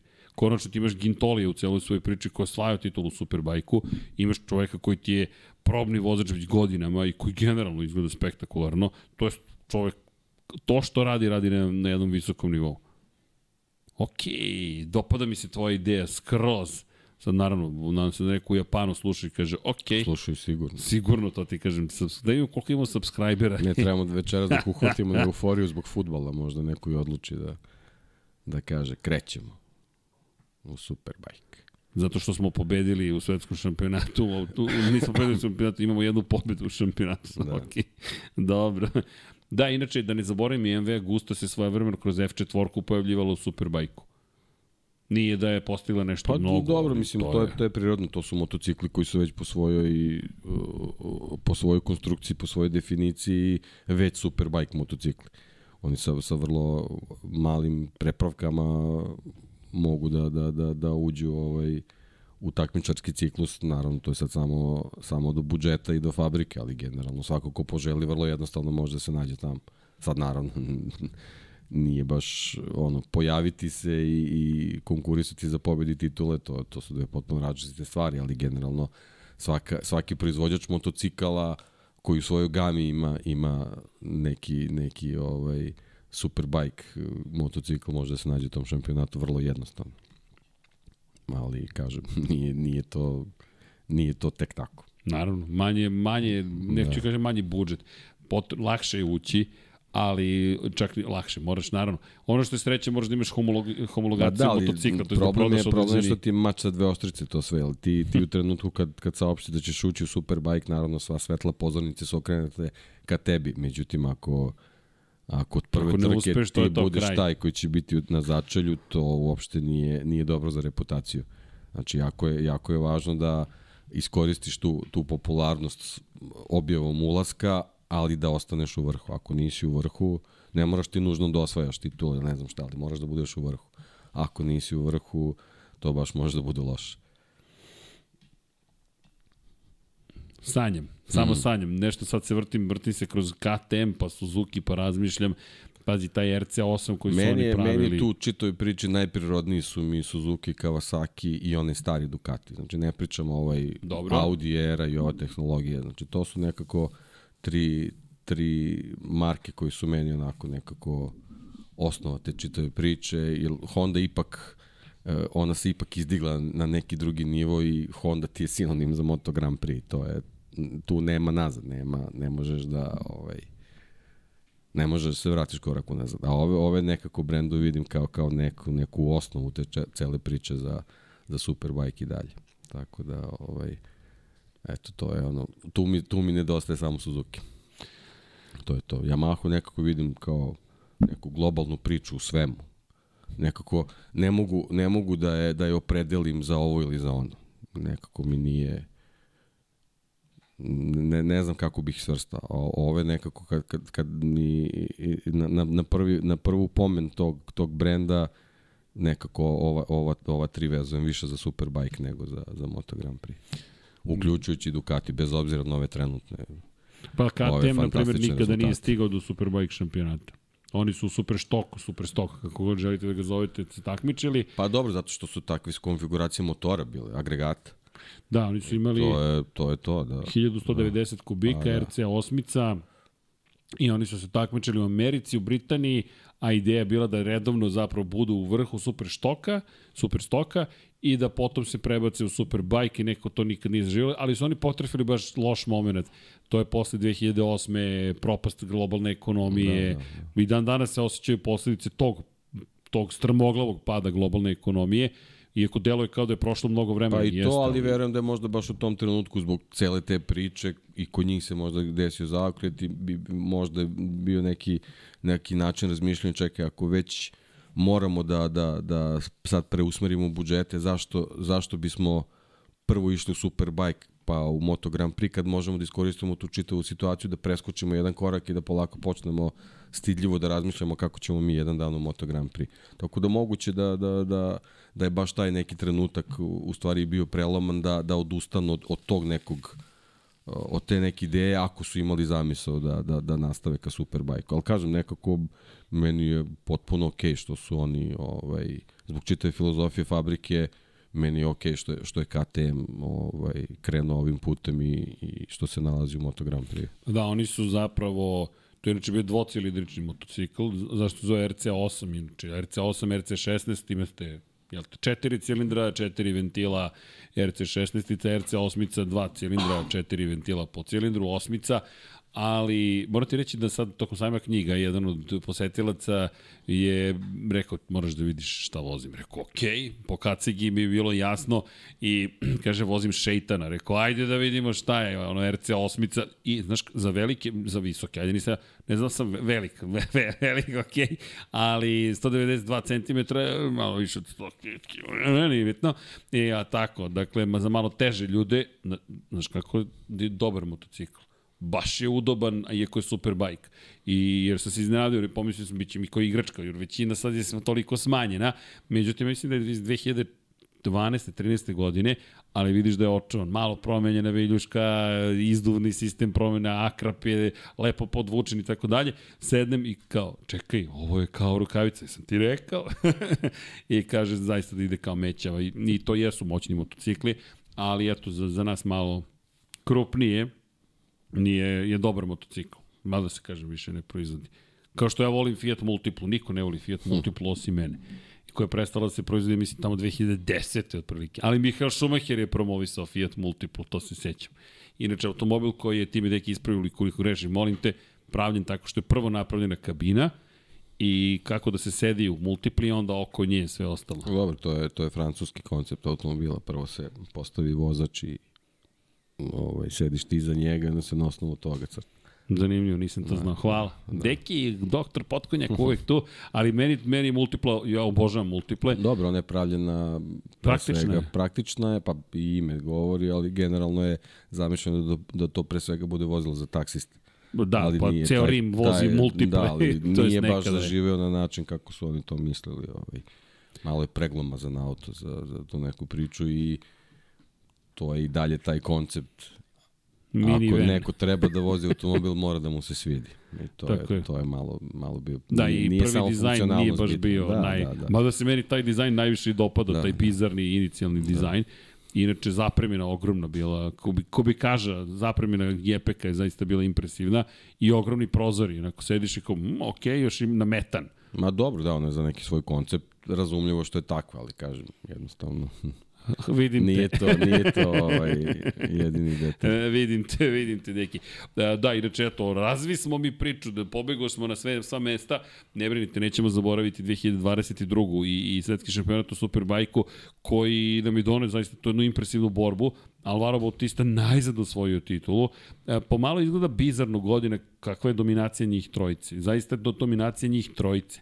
Jer da, Bautista je na kraju bio impresivan skoro 80 pojena više imao od Topraka, ali mislim da to ne priča da, celu neki, priču. neki mlak start je Toprakov bio, nekako to mi je, to mi je, to Baš mi je utisak i neko lutanje Johnny Re, ovaj, Pa ja sa mislim sa da tim sa tim Kawasakijem, Kawasakijem, da. da, to, to, to ograničenje, taj, mislim, to mi je onako stvarno, ne znam, Da. nemam, nemam neko razumevanje za, za tu odluku, ovaj, ali dobro, eto, ako, ako neko misli da je to doprelo zanimljivosti, ajde, ne, ne, neka bude tako, ali, ali generalno dobre su trke bile, uh, iako, iako je ostvario tu, tu pobedu ovaj, sa, sa, sa takvom razlikom, nekako mi, moj opet je utisak da, da, da Alvaro nije, nije ovako kako bih rekao, ne, ne, ne znam koju bih reč mogu da, da iskoristim, ali recimo neka bude da nije najkompletniji od, od, od njih trojice.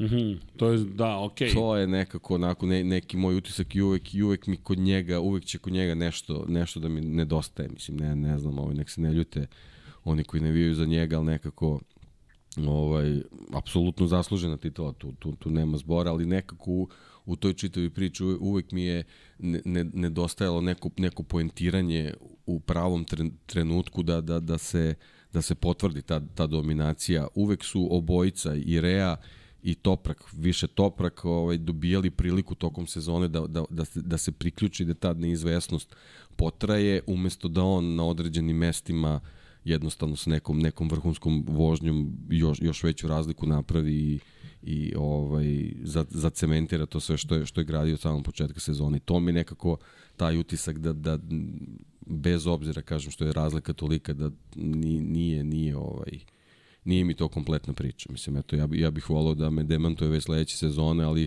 mislim da će sledeće godine, sad da ne ulazimo u tu najavu i pričat ćemo o tome ko će sve mm. doći tu, mislim da će to biti možda još i teže nego, nego što je ove godine bilo. Pa da, i ne samo to, nego bit će mi zanimljivo da apropo to, jer šta su oni uradili Kawasaki? Oduzeli smo mu 500 obrtaja je. zapravo i ispustili ga na 14.500 ili 600, ali činjenica je da, da to, to je bilo priča. Johnny Rea rekao, samo nam vratite naših 500 obrtaja u minuti, to je ono što jedino što mi hoćemo.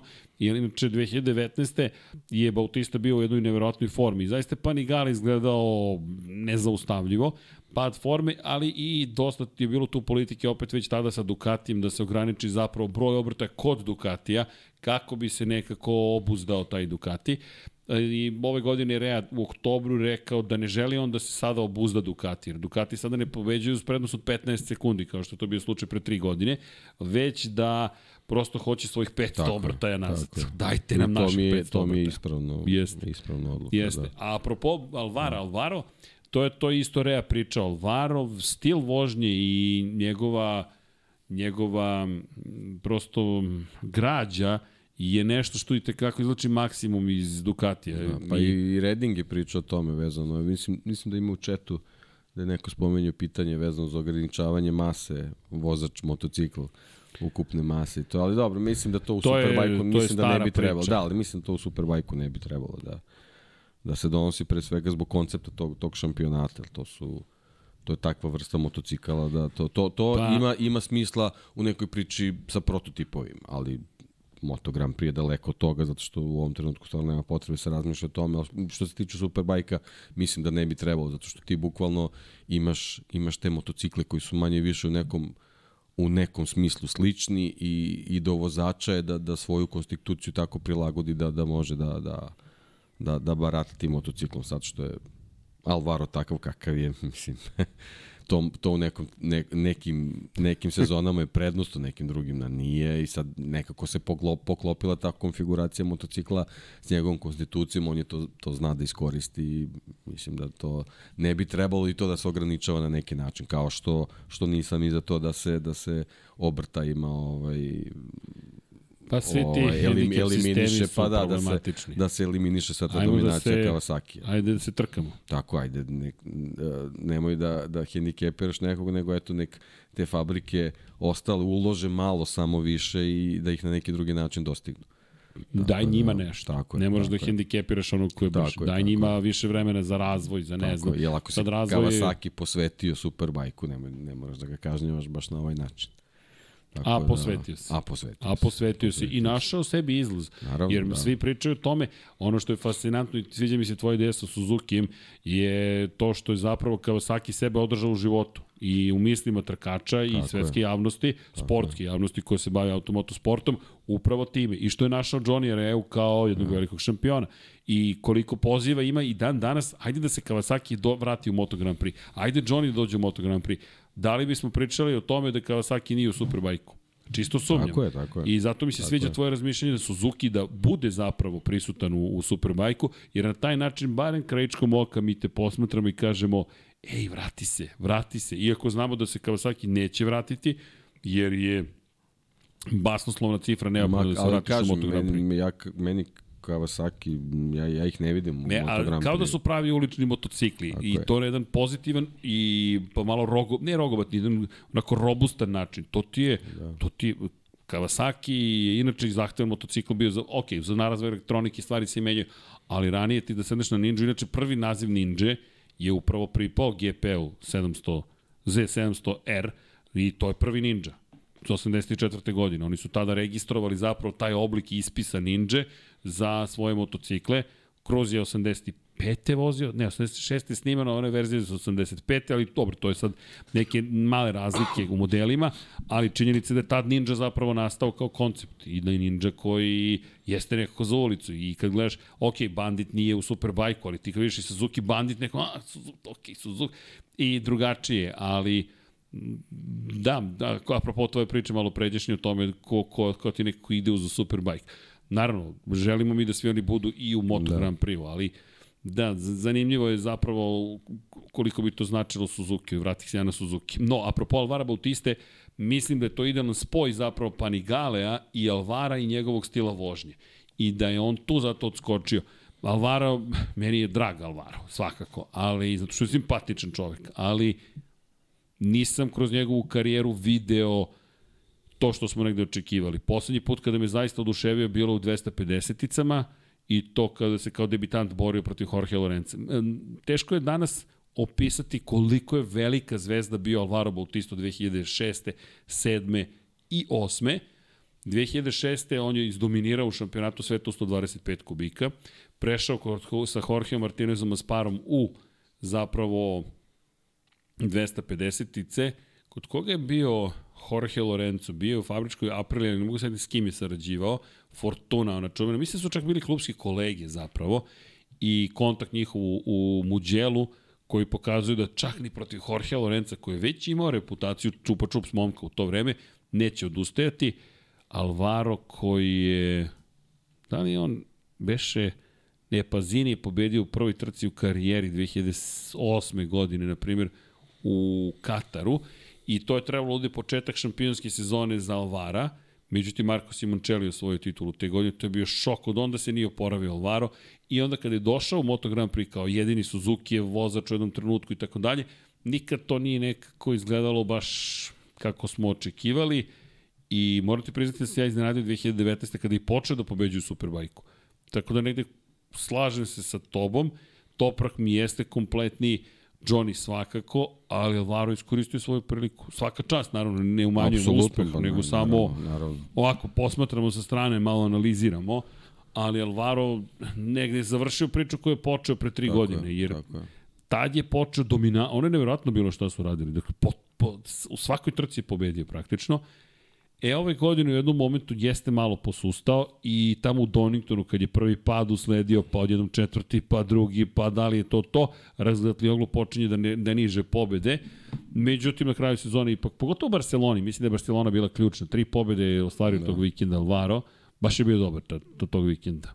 A i još jedna bitna stvar, ni Johnny, ni Toprak nisu održavali taj nivo, nekako da, kao da su jedan drugog. Baš taj Donington, kad si spomenuo, nekako on mi je, on mi je bio ta neka slika čitave sezone gde imaš jednog Topraka koji vozi, vidiš sa lakoćom, imaš Johnnyje koji je na ivici, Da. u svakoj trci je bio na ivici i imaš uh, Alvara koji tako, eto, neke, imate neke trenutke trapavosti, neke, neke uh, bespotrebne nesigurnosti koja, koja to mu u, donese samo to da da mora ponovo da ulaže neki novi napor da, da, da održi svoju prednost u šampionati. Baš je taj Donington bio nekako onako dobra slika te čitave sezone, u stvari na kojoj poziciji su sva trojica i, i, i kad se završio Donington nekako taj, taj plasman posle te trke u stvari pokazao kako će možda i na kraju sve da izgleda.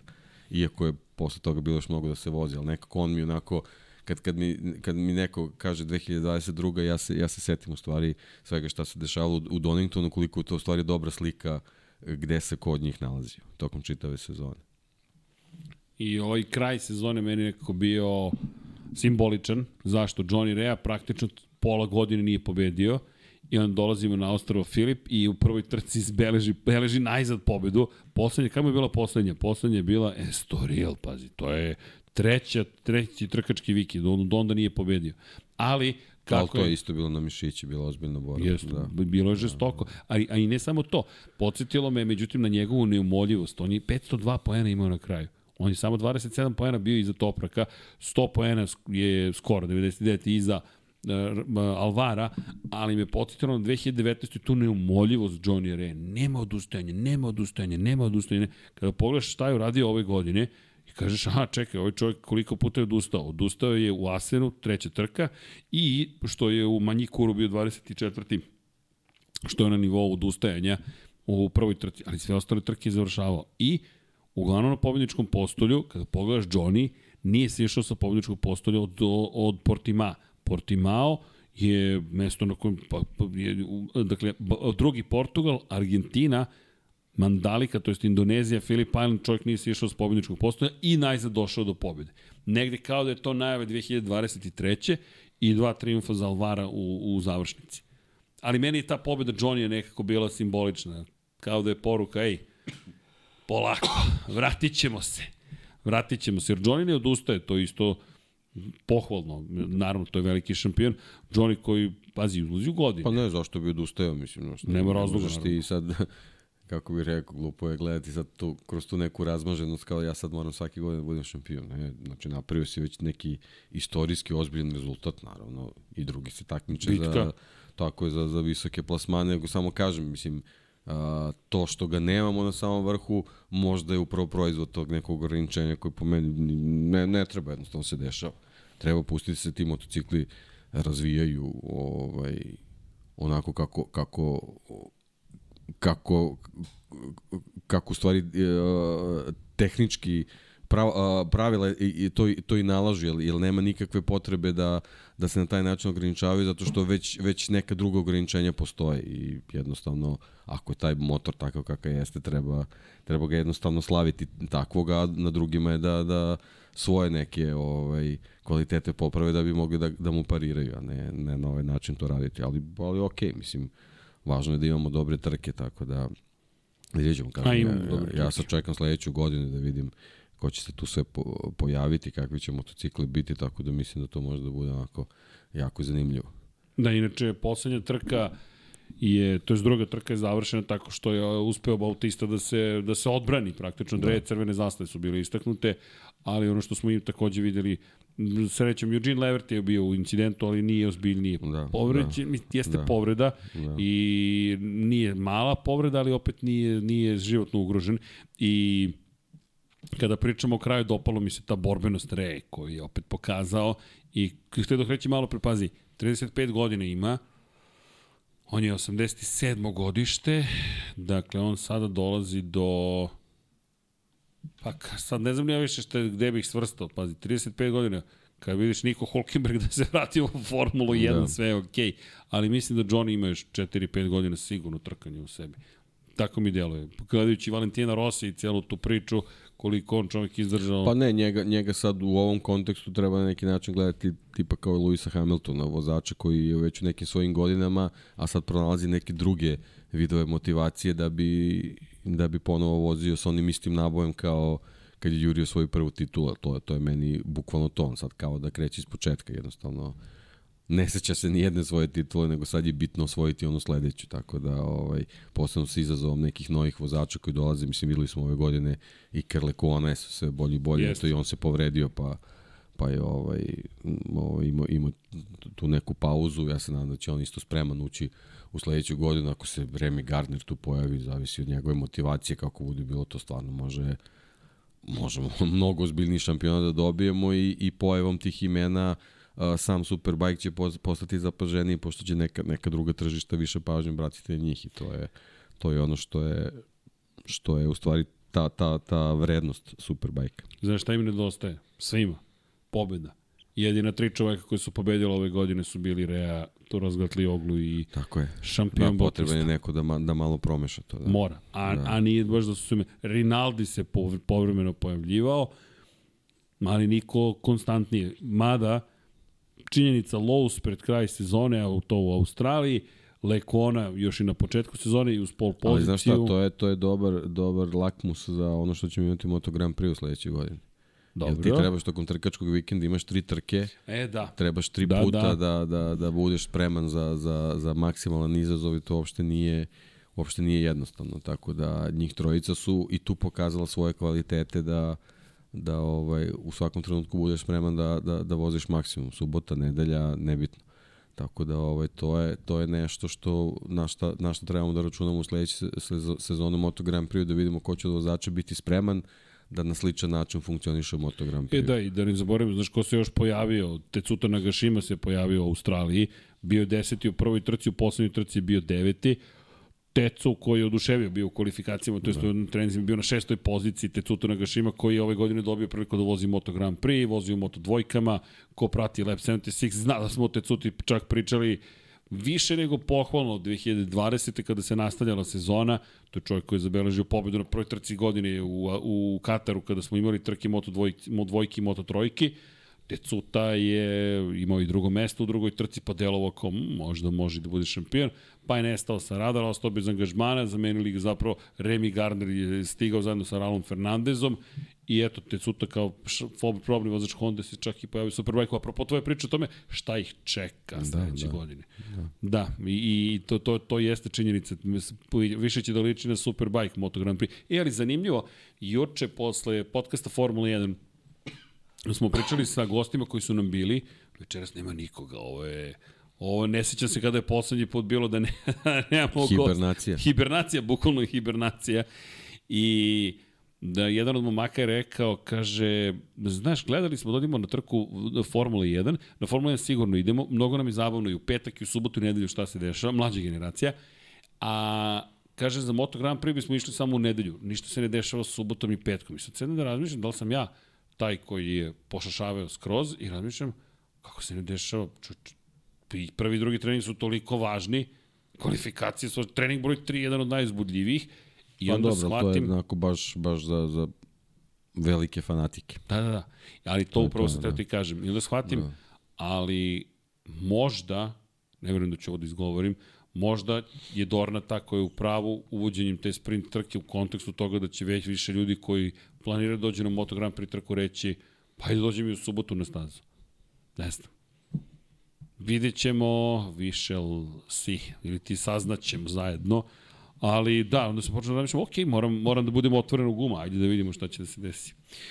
Pa da, ali da. znaš, ta trka generalno subotnja je ono priprema za, za glavnu trku. U stvari to je, to je ono kako, kako mi trebamo da gledamo, ali, ali mi pričamo iz, te ne, iz, te neko, iz tog nekog ugla psihičkog opterećenja vozača, to je ono što je, da. što je u stvari dodatni, dodatni napor za sve njih. Mislim, to je uh, još jedan period koji se provodi na stazi kao, kao forma treninga, ali ovaj ono ono što što je vezano za samu pripremu za tu trku i taj taj neki a, psihološki naboj napor je ono što je u stvari dodatno opterećenje za te vozače koji su onako već onako prilično opterećeni sa svim svojim obavezama tokom trkačkog vikenda, a uvođenje još jedne trke samo u tom kontekstu onako možda nije naj, na, najbolje rešenje. Sad što se tiče publike, naravno, pa svako bi vratno volao kad dođe, kad da novac na nešto da i petak i subotu i nelju gleda trke. Mislim, to je, to je, ovaj, to je jedan ugao samo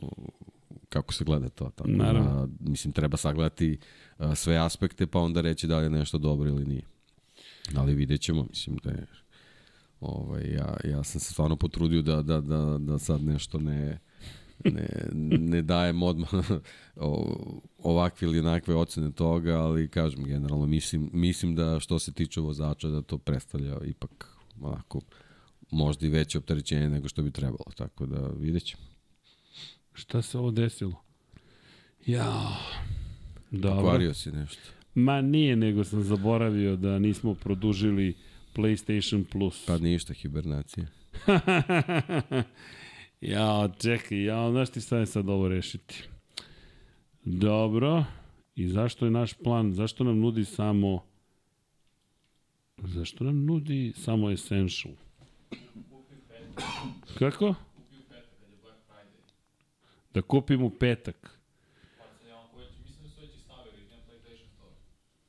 Da idem na PlayStation Store. Dobro. Ajde da vidimo. Da vidim koliko imamo uopšte na računu. Da vidimo. Izvinite, nismo znali da nam je istekla pretplata. Profil. Koliko uopšte imamo a, još... A, ko će tu sad da sazna? Dobro, ajmo mi da nađemo DN. Izvinite ljudi, ali pošto smo obećali da ćemo mali da vozimo, ajmo da vidimo PlayStation Plus. Opa! Bravo Vanja, Black Friday. Idemo, Vanjice. Ovo je fantastično. Dakle, dobro. Black Friday, uh, ekstra, premium, pff, da vidimo. Da, mi to želimo jer nam to treba, ali da prihvatamo, jer mi imamo para na računu. Da li imamo para na računu? e, k, šta misliš, deki, da li će nam dozvoliti? E, pokušat ćemo da, izvinjam se, deki, ili ima nekih pitanja da iskoristimo tebe, da dok ja ovde vidim da li mi možemo sada da nabavimo, jer smo obećali, a multiplayer ne možemo da igramo bez PlayStation Plusa, pa nisam znao da smo ostali bez PlayStation Plusa. Ajmo to da, ajmo da pokušamo ovo da rešimo. Mada nisam siguran da će nam dozvoliti.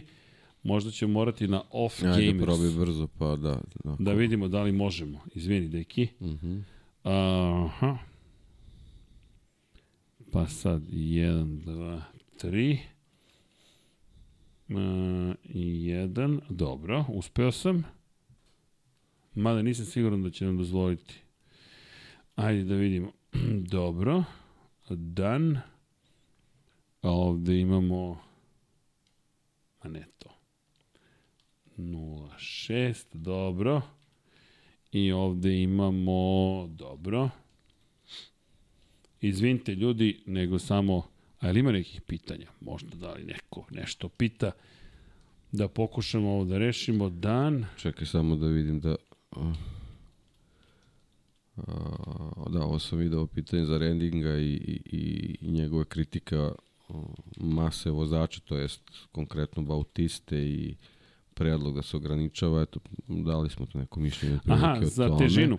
Pa da, da. Pa da. znaš kako, čekaj da imamo Vanja da će ovo uspeti. Ajde. Imaš i pitanje zašto nosiš baš majicu tih boje. A, žuto... S obzirom na sutrašnju utakmicu. Smatraju to nekom provokacijom. da. I pazi, kad mi to nije palo na pamet. Ljudi, A, Ali verujte mu zaista. Ver, verujte da. da mi nije palo e, na da pamet. da krenemo odatle, pa ću da se spustimo ovaj, polako kad dole. Da li postoje ikakve šanse da se napravi barem jedna staza za World Superbike negde u Srbiji, Makedoniji, Crna Gora, Albanija, Bugarska? Je, uh, ah, hoćeš ti tema. Pa ne, ne znam zaista šta bih rekao. Mislim, to je ono, i Srđan i ja smo zbog, zbog tog našeg posla u medijima već 30 godina svedoci. Sva, ja, svake godine mislim da se pojavi bar jedan projekat. Jedna. Neke staze već ba, smo pomalo umorni, jedna. umorni od svega toga. Iz razno raznih razloga ti projekti ovaj, ne prođu. Sad su trenutno da. aktuelne neke, neke dve priče. Mislim, sad stvarno ne bih ovom prilikom hteo ništa pa to, to, o tome to, da pričam da, da, dok da ne nešto pričamo. konkretnije ne bude, ali postoje neke naznake da, da, da ima mogućnosti da se napravi neke, neke staze, možda ja. čak i neke kategorije 2, što bi značilo da možda može čak i Moto Grand Prix da se vozi na, na tim stazama, ali ajde, zaista nek bude o tom potom. Zašto nema? Pa ne znam, eto, to je jednostavno pitanje za ljude koji su se ove godine vodili ovaj, te zemlje koje, koje, koji ste naveli ovaj, kao u, u, u pitanju, jednostavno ono, svi, svi znamo da, da je postojanje jedne prave trkačke staze ovaj, jako važna stvar za čitavu zemlju, jer to nije samo a, pitanja ne, ne, neke lokacije na kojoj će se bezbedno održavati trke, nego, nego čitavog tog sadržaja koje ta staza nudi i koja generalno treba da služi za tehničku edukaciju nacije, ovaj, znamo koliko nam to nedostaje u, u, u svakom aspektu, tako da ako neko ovaj, postoji koji bi stvarno želao da se, da se te staze ovaj, pojave barem jedna na, na, na ovim prostorima i ovim zemljama koje ste naveli, to smo sigurno srđani ja, ali ovaj, i verujem da ima još mnogo ljudi, ali, ali zaista ovaj, ne znam, ne, ne znam šta je to toliki problem, iskreno. Eto, tako da vidim, često se spominju neke priče ponovo nekim veleletnim stadionima i, i dvoranama i ne znam o čemu sve, kao da to već ne postoji, a, a eto ta neka trkačka staza sa, sa nekim pre svega osnovnim elementima vezanim za bezbednost na samoj stazi, nekim pratičnim objektivima, mislim da to nije neko spektakularno ulaganje, ali eto, jednostavno iz nekog razloga to nikako da doće na dnevni red. Ne znam. Ali bukvalno nikako da dođe na dnevni red. Ali uveren sam znači, da bi sa, sa pojavom te staze i, i tu došlo odmah, odmah i, i, i dobri šampionati, dobre trke, ali... Ja imam napisan projekat za izgradnju staze. Da. Što ti pročitam? Pa ne moraš, ne moraš, mislim... Da te ne muči? Pa ne, mislim, kažem, eto, ja, ja imam negde u svojoj fioci iz 94. sa Skupštine grada Beograda ovaj projekat staze, mislim da je u bloku 23 recimo. Tako da to je to je neki prvi projekat sa kojim sam se susreo, onako naivno verujući da će stvarno se realizuje i od tad mnogo, mnogo projekata sam i video i evo, do dan danas ništa, tako da ne znam. E, ne znam šta bi više rekao kod toga stvarno. Pa, pa ajmo ovako, ja sam video isto koji ti mnogo, ljudi krećemo se u sličnim krugovima iz te perspektive, nije da, da pokušam inače da nam obezbedim kod za, za, za registraciju, pošto mu jel te ne postoji Srbija još uvek u PlayStation Store-u, pa onda moramo da se dovijamo, što bi se reklo. Dakle, da vidimo... Da, dobro. I ovde, dobro. Ajde da vidimo. Da li će da mi dozvoli, nadam se da hoće.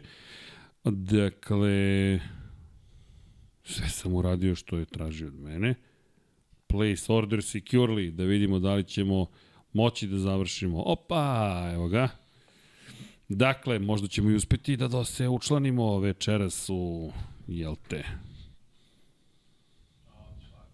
Hoću, lagano, a? Idemo dalje, a? Hoćemo još malo čitamo pitanje. E, da, naravno da hoćemo dok ja ovo namestim, e, izvinite. Juso, pitanje, možda Gardner sa Yamahom bude pogodak. Da, pa... Ja, to je ono što možda. se nadamo. Da, da, da, držimo da, mu da, palčeve nekako da. i deki. Ja mislim da će se njemu, da će se on snaći u atmosferi koja vlada u padoku zapravo koji imamo u, u Superbike. Yes. Jer, ljudi, on dolazi iz jedne...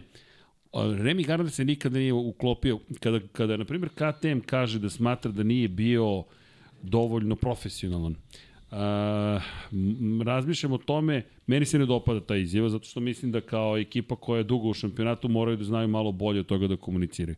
Ali isto tako, i zaista ne branim, ne branim KTM ili bilo što slično tome, ali oni su ljudi trkači. I sad, trkači često, inženjeri, znaju da budu vrlo grubi.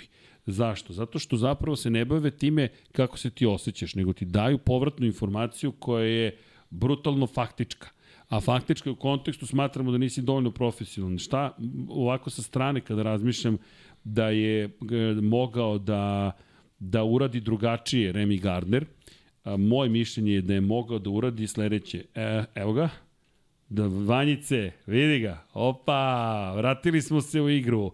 Back online, welcome to PS Plus. Ho, ho, deki. šta šta? Šta kupujem igrice, uzao sam ti premium, možeš da radiš šta hoćeš. Kao tebi, kao ti se igraš. kao neko se uopšte igra više u studiju. Dakle, ne. E, koliko je trajao Jao Mile danas? Tri i po sata.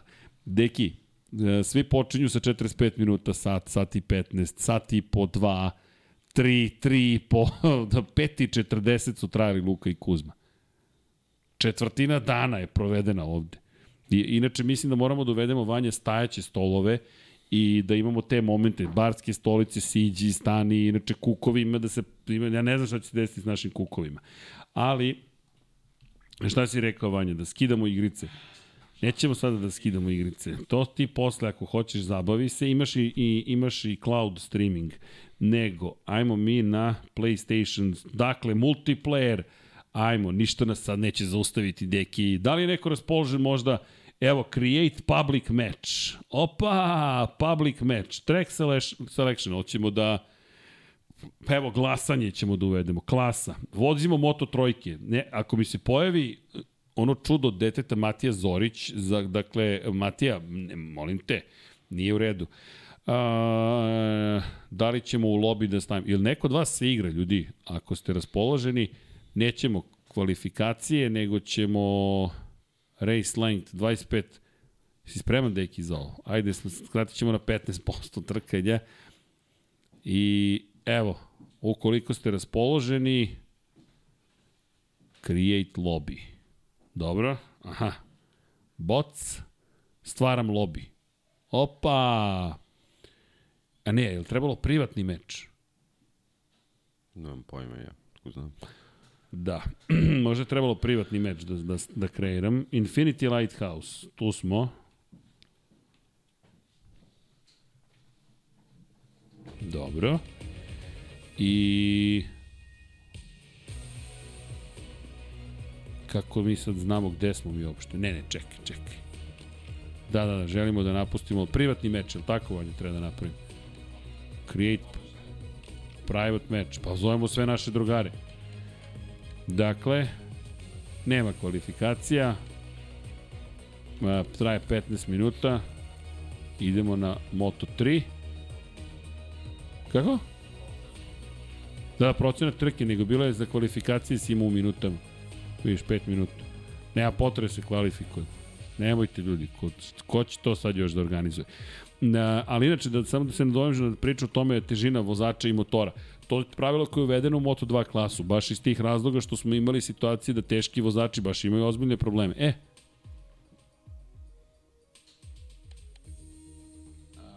šta je lobby options? Invite players. I jao.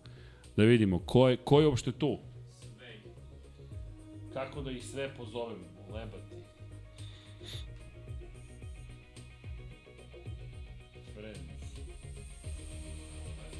Sad da, uzne, sad ću da uznemirim sve ljude. Sve ih zovem. Pa šta ako ne znaju da se mi igramo večeras? Šta upadnem ljudima u... u, u... Ovi nisu na vezi. Nemaju onu zelenu tačkicu. A misliš, niko nije on? Pa ima prva četvorica. Ne, gore, samo prva četvorica. Nema veze, sve ćemo da ih pozovemo, pa kad vide da znaju pa da smo... Pa imaš select all negde? Pa nema. Bar ja ne vidim. Evo, zovemo. Dobro. Mada. Čekaj, sad ćemo da upadnemo nekome u... ajmo, invite. Čekaj, mogu sam da pozovem još ljudi.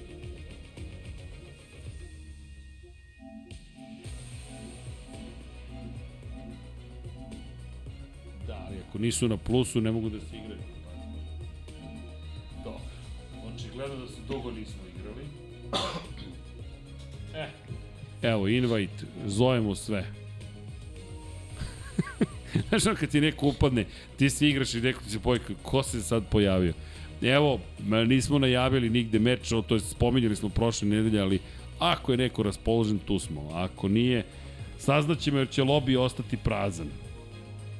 I samim tim, aha, Gurtna, 98, čekajte, Except. To vam kažem. A čekaj, Gurtnu nismo sad pozvali. Ajmo mi da pozovemo Gurtnu.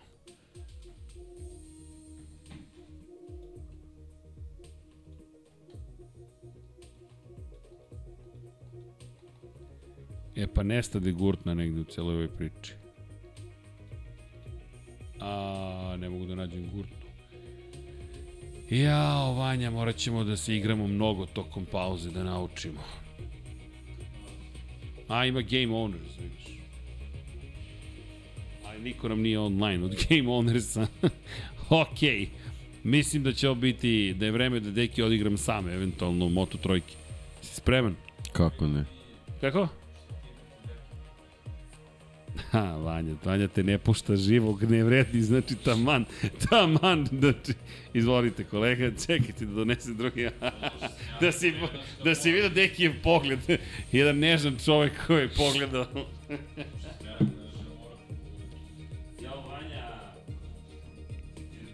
Kao da nas ne znaš, znači nas samo treba malo pogurati u pravom smeru.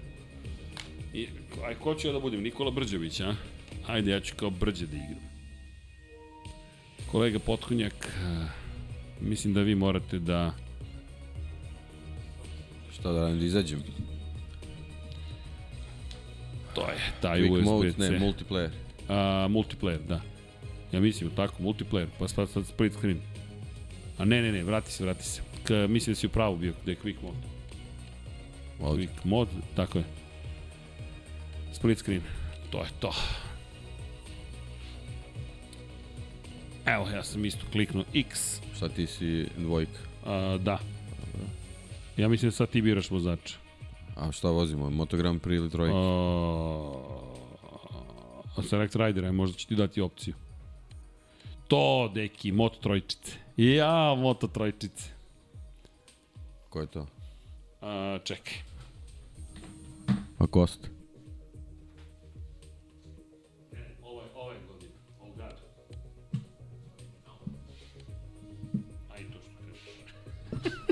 Aha, Đaume. A ovde malo kasno. A Đaume, Znaš. Đaume. Dobro. Ti si Džaume. Jest. Dobro. E, sad idi na... Ma vidim, dobro. Klikni ready. Klikni ready. Pa sad ja. E, dobro. A, reci, deki. Može. Ajmo. Honda KTM, levo desno. Start Grand Prix. Ovo nije loše zapravo. Jel ja znam komandu uopšte ovde? Pa, standardno gas. Standardno, a? Pa da. Udri X. U Limanu smo. Po A kiši, ja, jao. e, Znao sam. Ajde. Le Mans po kiši, ba da ne, ne može bolje od ovoga. Trebali smo isključimo opciju ovaj, Da, da, da.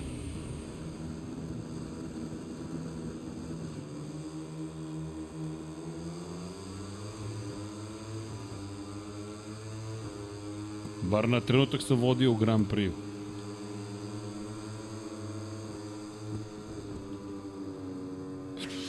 Pa su me izbacili... Ali dobro. Imam neki svoj metod. ah, Ah. Već sam dobio long lap. Aman, ljudi, pa nisam hteo. uf, šta je ovo bilo?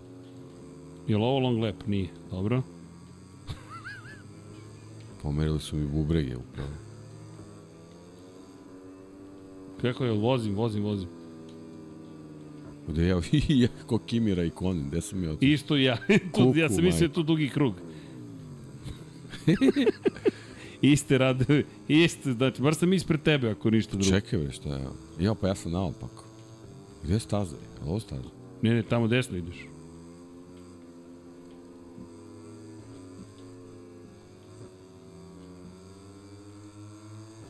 Sad ću da ih pobedim. Znaš šta ću Sačuvaj, uradim? Bože, crvena zastava. Sad ću da ih pobedim. Nema šta, sad ću da ih pobedim.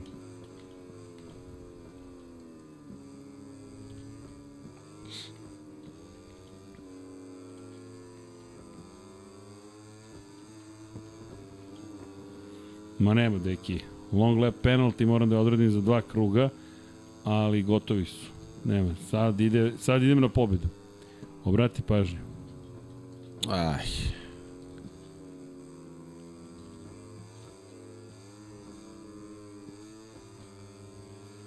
Bolji sam po kiši nego po suvom.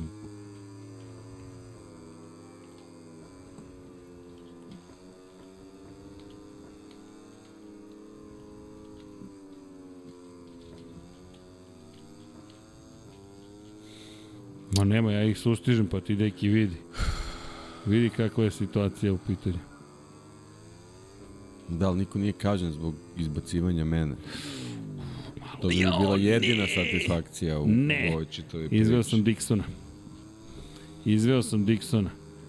Ali, deki, Ma beš. Ma, nema smisla. Kakav je Hoće. to start bio? grub. Pa Grubo. ne, stvarno. Hoće li se ovaj krug završiti danas? Joj, joj, joj, kako, ne, kako je ovo sve nezgodno. A gde je staza uopšte ovde? Le Man, čovječe. Si namerno si izabrao ovo? Nisam, nisam Jesi, stvarno. Jesi, sigurno. Stvarno nisam, sigurno deki. si vidio da je kiša. pa, ovaj, misliš sebi da pomognem, šta? Strašno. Dobro.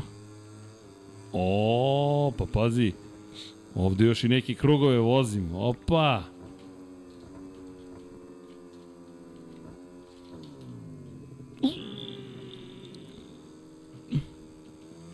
Добро, бар се тркам, ако ништо друго.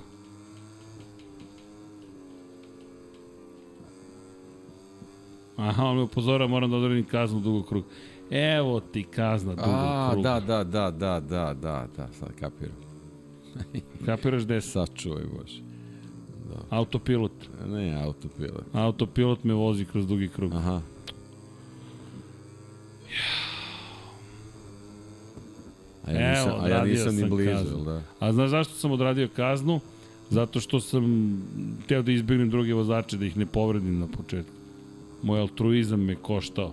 Vidiš, bolje bi bilo da sam kao da sam tebe izbacio, kao što su tebi Poznajte izbacio. Le Mans da bi ga više voleli. Uf. Evo, ja ću malo ovde. Pa da, evo ovde, sightseeing. Ne. Deki, Evo ovako, malo ovde. Ovako. Strašno. ma nema šta ja, Kajto Toba je moj. Ja ga stižem.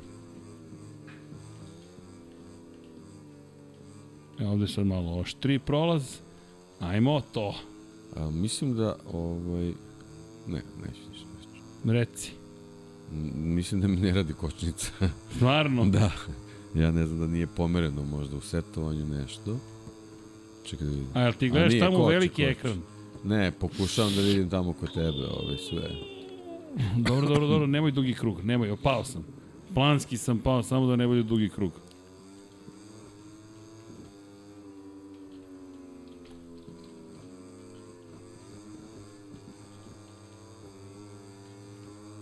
Upozorenje, dobro, upozorenje me da sad ništa ne košta.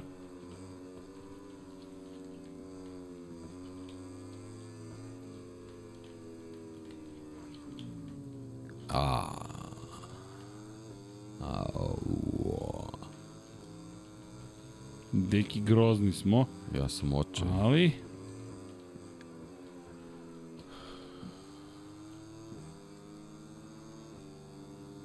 Plavu zastavu imam čoveče. Strahota. Pritom sam izbačen. Grubo. Ajde, let pas, dobro, ajde. Prođite. Ko treba da prođe?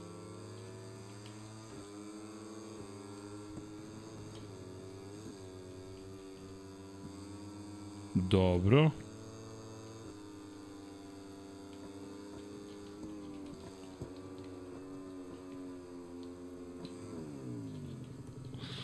Dobro.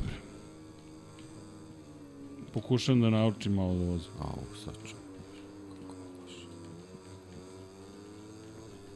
Da, dosta je mučenje, moram ti priznati, ali ovo je bar poslednji krug meni. Sramota me ponekad. Da što ovo radimo uopšte. A dobro, deki, to je kao što oni treniraju uživo, tako i ti ja sad treniramo uživo. Pritisak.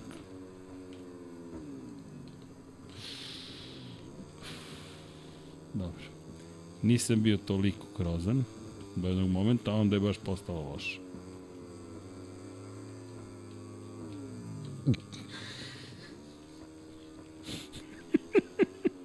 Sačuvaj Bože, sačuvaj Bože. Dobro, mislim da sam pao više puta ovih poslednje tri krivine nego od početka trke, ali dobro. Ti se baš s nekim trkaš, deki. A kako sam ja u Final lepu, Ako se ti trkaš sa njima, preki, pre, prestek, pretekli su ti za ceo krug. Pa to prače, prate. Ajao. To prače, prijatelju. Let pass crash. Jao, Ti si izabrao čovek crash. vrši. Ali kako, ja nis, kako sam ja u zadnjem krugu? Ja sam prvi završio, ako oni dalje voze trku, ja sam pobedio.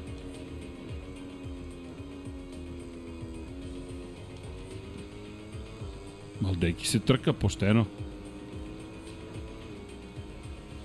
Ne više. Dobro, lep je ovaj efekat vodice. Baš je mučenje. Baš, baš, baš, baš, baš, baš. Dobro, ajmo, konti... ti X je kod tebe. X je kod tebe.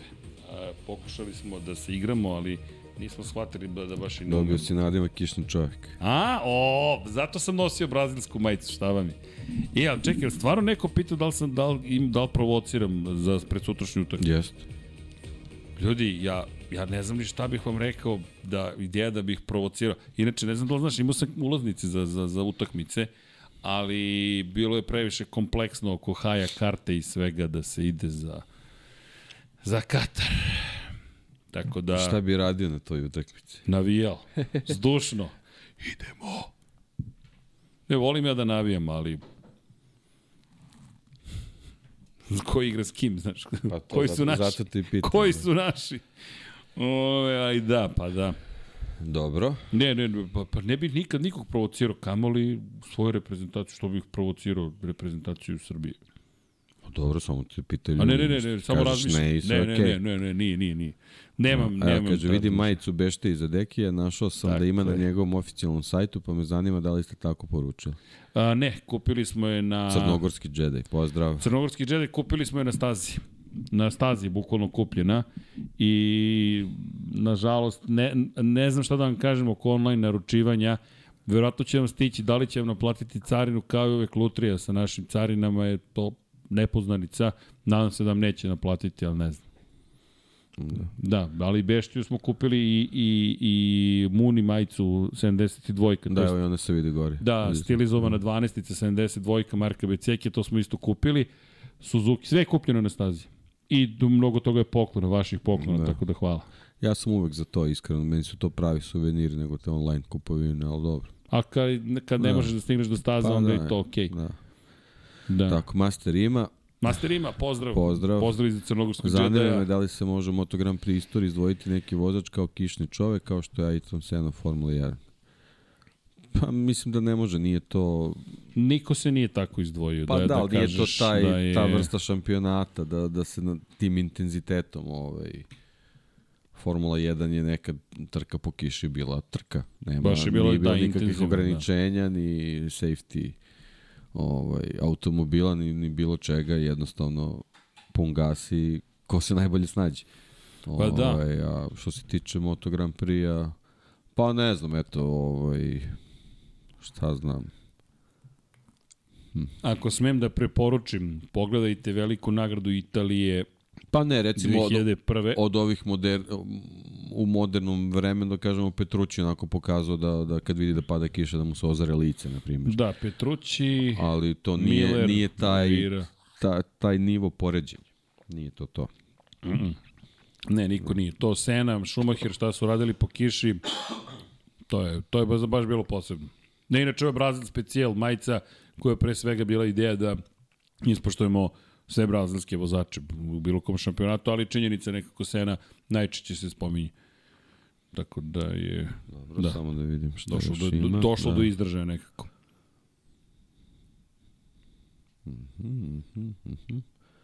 Dobro, dobro, dobro. Da, ja se nadam da smo na adekvatan način pokrili priču o Superbajku, pošto nije baš da smo planirali da pričamo samo o Superbajku, ali nekako meni se dopalo ovo što smo sve Moto pričali. Grand Prix ili svetski šampion Superbajku na grobniku Hrvoje pita.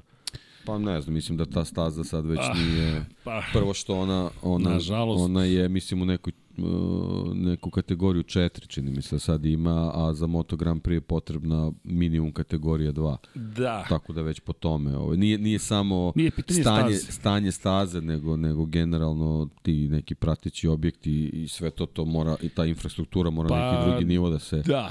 da se podigne, tako da, mislim, nema šta da pričamo, Grobniku su vo- vožene nekad trke svetskog šampionata, tako da, ovaj, verovatno, kad bi postojala neka volja i želja, ovaj, možda bi to moglo da se dovede na neki nivo, ali to su, to su pitanje za neke druge ljude. Da, inače, a, a ako je pitanje šta bismo pre volili da vidimo eventualno, ljudi i jedno i drugo Sve podjednako, da, da. apsolutno, ali Moto Grand Prix je... šampionati su poželjni. Tako je, apsolutno. tako je. Ja bih voleo e, neka i krene od Superbike. Ljudi, e, nema šta, Perijanica je Moto Grand Prix. Dakle, Moto Grand Prix, inače u Opatiji je voženo pre Grobnika. Opatija, to često spominjemo, ali, ali zaista vredi napominjati, Opatija je bila Monte Carlo Formula 1. Za, o, Moto Grand Prix. Bukvalno su zvali Monte Carlo Moto Grand Prix. Problem je bio što je, nažalost, mnogo ljudi izginulo.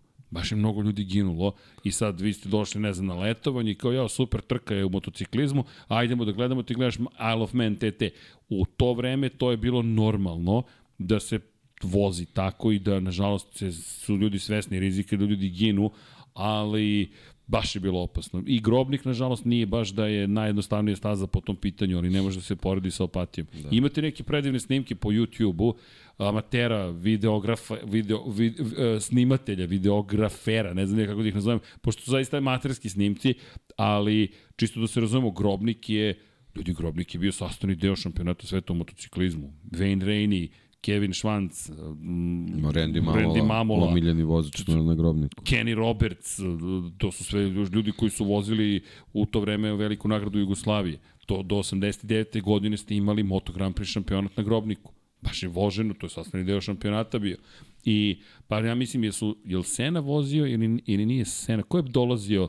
Rosberg. Rosberg. Keke Rosberg je Agostini dolazio. i Rosberg su A, vozili da, tako je, promotivni Agostini. krug, da. Tako da, je, promotivni krug su vozili u grobniku. 49 sekundi mislim da je vozio Rosberg. Da, to je to. Što je Što je- dokaz da to ne može. Da, da, da, to je, da. Da. to je na nivou onoga što smo pričali, ne znam, za Bahrein prošle Da, mislim da to neka organizacija, ali generalno je to poslužio Bernie Ecclestonu koji je tad razmišljao gde će na istoku da se pojavi staza, da vidi u stvari kakve su mogućnosti grobnika rijeke. Mislim da su, da, je, da su tad zaista bile velike šanse, s obzirom na, na poreklo Slavice Eccleston i tako dalje, tako dalje, ali ovaj, to, to su verovatno bile potrebne malo veće prepravke da bi da bi se to uradilo, verovatno i neke, neke druge ovaj, ovaj, da kažem, veze i generalno čitava ta situacija koja se kod nas onako malo zaku, zakuvavala, ovaj, donete odluka da se pređe u Mađarsku i 86. Ovaj, smo imali prvu veliku nagradu Mađarske. Da, To inače, inače kada, kada je reč o tome, o Mađarsk, Mađarskoj, konkretno Bernie Ecclestone i dan danas je čovek koji vlasnik. je vlasnik zapravo i ima direktan Da. interes posla. Pa da, evo i Boris Rutin baš, baš komentariše, pozdrav Borise, kompleks sa stazom i terenima za edukaciju, road, off-road i slično bi mogao i prihode da pravi. Pa da, to je generalno koncept manje Pa više svake da. staze. Da, to i Evo, jeste ja sam ideja. nedavno bio na, To na ideja. Istanbul parku, Porsche trening centar se nalazi u okviru Istanbul parka, koristi se trkačka staza, koriste se dva poligona za bezbednu vožnju i van, van kruga, ali, ali uz, uz samu ogradu nalazi se off-road poligon. I to Porsche bukvalno na, na dnevnoj osnovi koristi tamo, verovatno plaćaju zakupe ili kako, su, kako je već postignut dogovor po ugovoru i, i Istanbul Park i kad nema trka ima prihode od, od, od tog Porsche, ovog vozačkog centra. To je, to je generalno koncept. Na Hungaroringu takođe imate imate centar bezbedne vožnje u okviru staze, mislim, to je potpuno normalan koncept. Na, na Slovakije ringu, mislim, sad pričam, pokušao onako napamet da se setim staza koji su nekim različitim rangovima, ali generalno na svima ovaj, u okviru samog kruga trkačkog postoje, osim što imaju više konfiguracija, generalno se nalazi neke, neki poligoni bezbedne vožnje, karting staze i, i slične stvari. Naravno da to je, kad, kad bi se tako neka staza pojavila, to bi bio sastavni deo nje, zato što su to, to neke stvari koje koje pomažu za, za ubiranje prihoda kad nema trkačkih dana, tako da to je, to je uobičajen koncept. Pa da, i kada je preč generalno stazi, apropo grobnika, Sad dugo nisam bio na grobniku, ali nisam video da, je, da su u planu bilo kakve opsežne izmene. Samo obratite pažnju na zapravo na, na, na, na tribine, obratite pažnju na ono što se nalazi u okviru staze. Asfalt je jedna priča, međutim sve ovo ostalo, pristupni putevi, parkinzi, um, infrastruktura i tako dalje je takođe sastavni deo priče kada se vrši provera toga da li negde treba otići organizovati trke tako ili ne. Tako da ima tu mnogo posla, imate naravno i medicinski centar koji morate da obezbedite. Zašto je izmišljena klinika mobila u Moto, Moto Grand Prix? Zato što su postali neke staze, evo, ne znam da sam to pričao nekad, ali ja se otrovao na, u, na dolasku u Barcelonu 2017. godine, na Ciriškom aerodromu sam nešto jeo i bukvalno sam imao trovanje hranu. I po, baš mi bilo loše u dolasku u Barcelonu i razmišljam, ok, nešto, ko zna, umor, stalno smo premoreni. I četvrtak, petak, baš, baš mi bilo loše. I u subotu, posle kvalifikacije, odem u medicinski centar. Nisam otišao u kliniku mobile i e, diagnostikuju mi srčani udar i oduzmu mi sve stvari, mobilne telefone i pozovu hitnu pomoć i kažu vi ste gospodin imali srčani udar. Ja su u šoku deki stavili mi EKG, rekao ok, ovo menja ceo život, srčani udar. Dolazi devojka iz Granodirsa, jel te rodnog mesta braća Espargaro, i ne devojka hitna pomoć i devojka koja je vodila zapravo hitnu pomoć dolazi, stavlja njihov EKG, dosta skuplji EKG aparat i kaže, i ovako sad kaže, gospodine, niste imali srčani udar. Rekao, hvala ali ja sad moram po zakonu da vas vozim u bolnicu, zato što je staza prijavila da ste vi imali srčani udar i pozvala hitnu pomoć. Rekao, dobro, samo šta hoću da kažem, to je medicinski centar staze Barcelona. Pomislili biste, nemoguće da će ovde da, mi, da, da se tako nešto desi. Zašto je klinika mobila izmišljena? Zato. Zato što uvek imate pouzdana stručna lica koja mogu da obave najosnovniju diagnostiku. Kažem, nisam ušetao u kliniku mobile, nego sam ušetao medicinski centar. A onda mi je prošlo kroz glavu, čekaj malo, ovi ljudi treba spašavaju živote trkača ovde. Šta je tu kada nema klinike mobili, njima EKG ne radi. Pričamo o Barceloni, staza Katalunja. Dakle, govorimo o, to, o 2017. Ne govorimo ne znam kojoj godini. Nije period posla, izvinjam se, vidim da mi je Končić ovde, opa, otišao. Dakle, kada je reč o, o, o takvim stvarima, sve to mora da bude savršeno. Ne kažem da na grobniku je tako, nego on samo govorim o tome da postoji mnogo staza koje prosto nisu, ne održavaju stvari na nekom nivou, onda šampionat vodi računa da, da bi o svojoj reputaciji bezbednosti svojih vozača jel te, sve bilo kako treba za njihovu bezbednost rade takve stvari. Tako da čisto šta je sve neophodno mnogo, jer nije problem u ljudima koji su na stazi, nego u tome kako se finansira, a ako nema financija, onda jel te, sve trpi i tako dalje tako dalje. Hoćemo dalje? Imaš neku Da, da, evo gledam, da. Belmin ima jednu konstataciju s kojom se apsolutno slažem. Da. Jadni Masija i Suzuki. Tačno. Tačno. Činjenica, činjenica, uh, da. činjenica. Idemo dalje. Um, hm, hm, hm. Samo da vidim. Dobro, ovo je bilo. E, kad će da bude aukcija Andrejevi slika? Uh, A, biće na... Na sajtu su, da. evo, završili smo poslednje pripreme, Petar je završio, tako da ćemo ih staviti baš brzo, samo Andrej da potvrdi, pošto smo stavili watermark i sve ostalo smo uradili, tako da znate da to do, do kraja ove nedelje će biti online. Ali nije aukcija, fiksna je cena, da tako da znate, je, tako, je, da. tako da, da, ali moći ćete da ih kupite sve koje nisu prodate ćete moći da kupite. Vidjet ćemo da li ćemo moći još nešto da radimo sa tim fotografijama, ali u smislu ne da ih koristimo, nego ako neko ima neku želju za nekom fotografijom, to moramo da vidimo sa autorima, pogotovo i to specifično kod Andreja, pošto je to sve vlasništvo de facto France Press i France Press je dozvolio samo da se koristi da, zapravo za da dobrotvorne to, to, da, da. da. Hvala Mihajlo za pitanje. Hvala. Emil pita da li možete da objasnite na koji način gume trpe opterećenju u trci, kako smanjiti potrošnju. Uh, Mislim da je igra oko guma jedna ovako bitna stvar za, jest. za, za Moto Grand Prix u nekom, nekom predstojećem periodu. Za svaki Ove, šampionat, da, ali pogotovo se, ovdje. Pedrosa se nešto baš ovih dana osvrnuo to da, da je njegov utisak da, da su pritisci u pneumaticima otišli ovaj, na neki drugi nivo ovaj, u odnosu na, na, na prethodne sezone i da je da, da tu u stvari gume trke, trpe veliko opterećenje i da je ovaj sad na Mišelinu da da malo ovaj poradi na tome da, da, da, da se i tu prati kvalitet kao što Moto Grand Prix napredu nekim drugim nekim drugim kategorijama. Pa, apropo kako se troše gume, a opet ima veze sa pritiskom, ali ajmo najosnovnije stvari. Dakle, kada, pove, kada pogledate površinu staze same, ovo je, jel te, površina moje ruke, mi kažemo ra, ravno je. Nije ravno nikada. Ako pogledamo nekom mikroskopskom nivou, čak ne mora ni pretrano mikroskopski nivo, kada pogledate asfalt kakav je, asfalt ima, i to sad imate, nisam stručan za, za asfalt, pa oni koji su sa saobraćajnog fakulteta mogu tu da pomognu, imate različite tipove asfalta i to sad pričamo o toj čuvenoj abrazivnosti, da li je oštri asfalt, nije oštri, kako se on pravi, da koliko ima kamena unutra, sad ne znam koji su sve elementi koji ulaze u formiranje asfaltne staze trkačke, ali u suštini u sledećem, uvijek imate cilje da dođete do toga da se stvara trenje zapravo. Vi morate, ne sme da bude suviše glatka staza, onda ćete imati mnogo proklizavanja, ali pojenta je u tome čak i ta staza koja proklizava na nek, jednom mikronivou ima zapravo pore ili ti šiljke i pore. I guma, kako stisne, jel te, kada, kada prelazi guma preko asfalta, ona zapravo se kači upravo za te delove. Dakle, guma se bukvalno utisne u asfalt i na taj način potiskuje se točak, samim tim i ide i vozilo. Isto je u Formuli 1, isto je u Moto Grand Prix, u, u, u osnovi šta se događa. Što je mekša guma, ona će lakše da se utisne u asfalt. Što je mekša guma, pošto se više utisnula, lakše će da se čerupa, to je da se kidaju delovi gume. E sad, šta je cilj postići? Da smanjite količinu proklizavanja. Sa proklizavanjem vi zapravo dolazite do toga da raste temperatura, kako raste temperatura, raste pritisak u gumama, kako raste pritisak u gumama, taj gazni sloj se smanjuje, to jest sad imate možda još veću potrošnju guma da biste postigli određeno prijanjanje. I to je ta čuvena igra, Kako pogledate Bridgestonove gume, nađite Breaking Front Tire, Bridgestone MotoGP 2015 uh, Wheel Cam.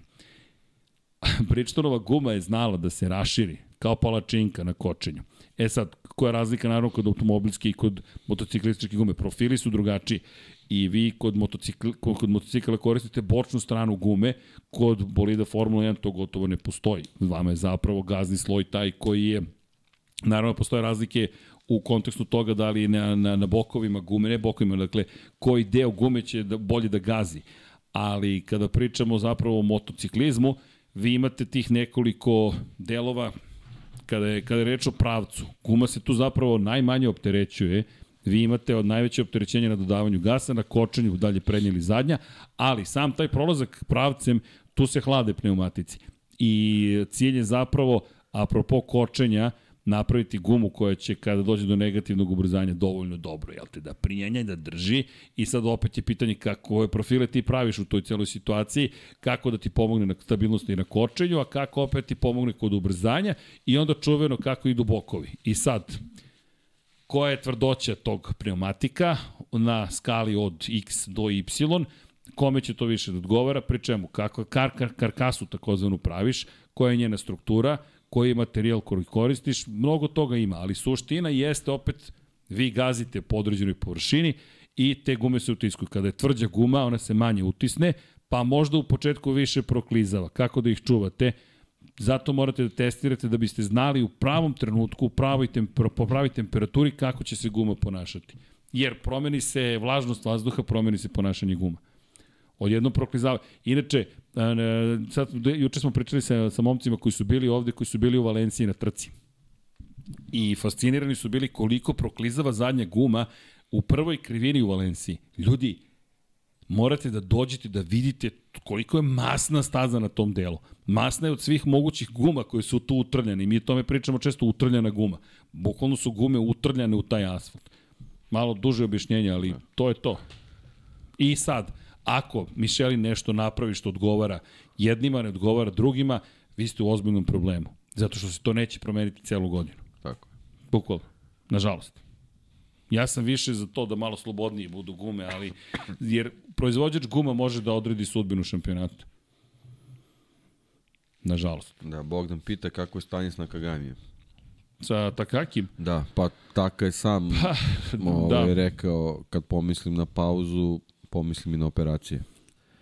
Tako da, to je ta rečenica ovaj, za njega je pauza jednako operacije. Jeste, i oporavku. Da, potreći taj oporavak, ovaj, ali eto, nadam se da, da će biti dovoljno vremena da, da, da bude spreman za, za testove i kasnije za sezonu koji će imati tu mislim ovaj zahtevnu ulogu vozača koji će biti pre svega zadužen da, da pokuša da, da sa svojim informacijama i svojim krugovima on donese uh, sve podatke koje su potrebne da, da se taj motocikl onako vrati u tu neku pobedničku formu, tako da da bi to bilo moguće da se izvede, taka mora da bude potpuno zdrav, tako da. A imao je treću operaciju. Tako, je, tako da... Imao je treću operaciju a, a vidimo, vidimo kako to ide sa, sa u, u, u, ovaj, u slučaju Marka Markeza, kad, kad te operacije ne prolaze kako treba, kako to može se izkomplikuje, tako da držim fige da će to sve biti ok, da sve te neophodne operacije da se ovaj, sprovedu i da, da, da jednostavno sve funkcije organizma ovaj, budu na nivou koji su mu potrebne za, za Moto Grand Prix. Nadam se da će tako da bude u njegovom slučaju. Da, u svakom slučaju nemamo nove vesti u da. kontekstu toga da li je... Nemamo detalje. Da. Naravno, da. Ali da, bio je na operaciji pre par dana. Kad je izložila slika Valentina Rosija? Jelena pa, pita. 1. 7. decembar u galeriji Štab. Od 1. do 7. da. da. Otvaranje je prvog u 19 časova, pozvani ste, a drugi, četvrti, peti, šesti, sedmi će biti izložba od 10 ujutru do 10 uveče koliko radi tržni centar zapravo. Galerija Štab, to je tačno kod ulaza 2.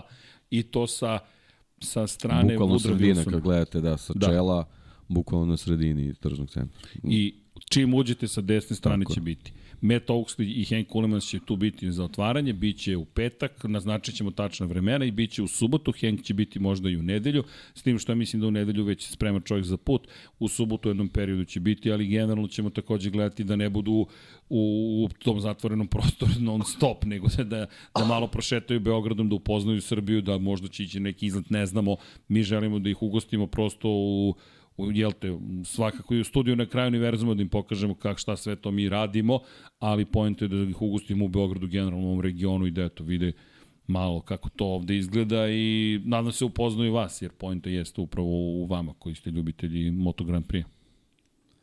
Mata pita, ali dobro, ovo je neko generalno pitanje. Ovaj, da. Uh, da li u planu da gost podcasta bude Martin Vugrinec? Jeste, jeste. Inače smo Absolutno, u kontaktu sa da. Martinom. Mi smo s Martinom već i ranije komunicirali.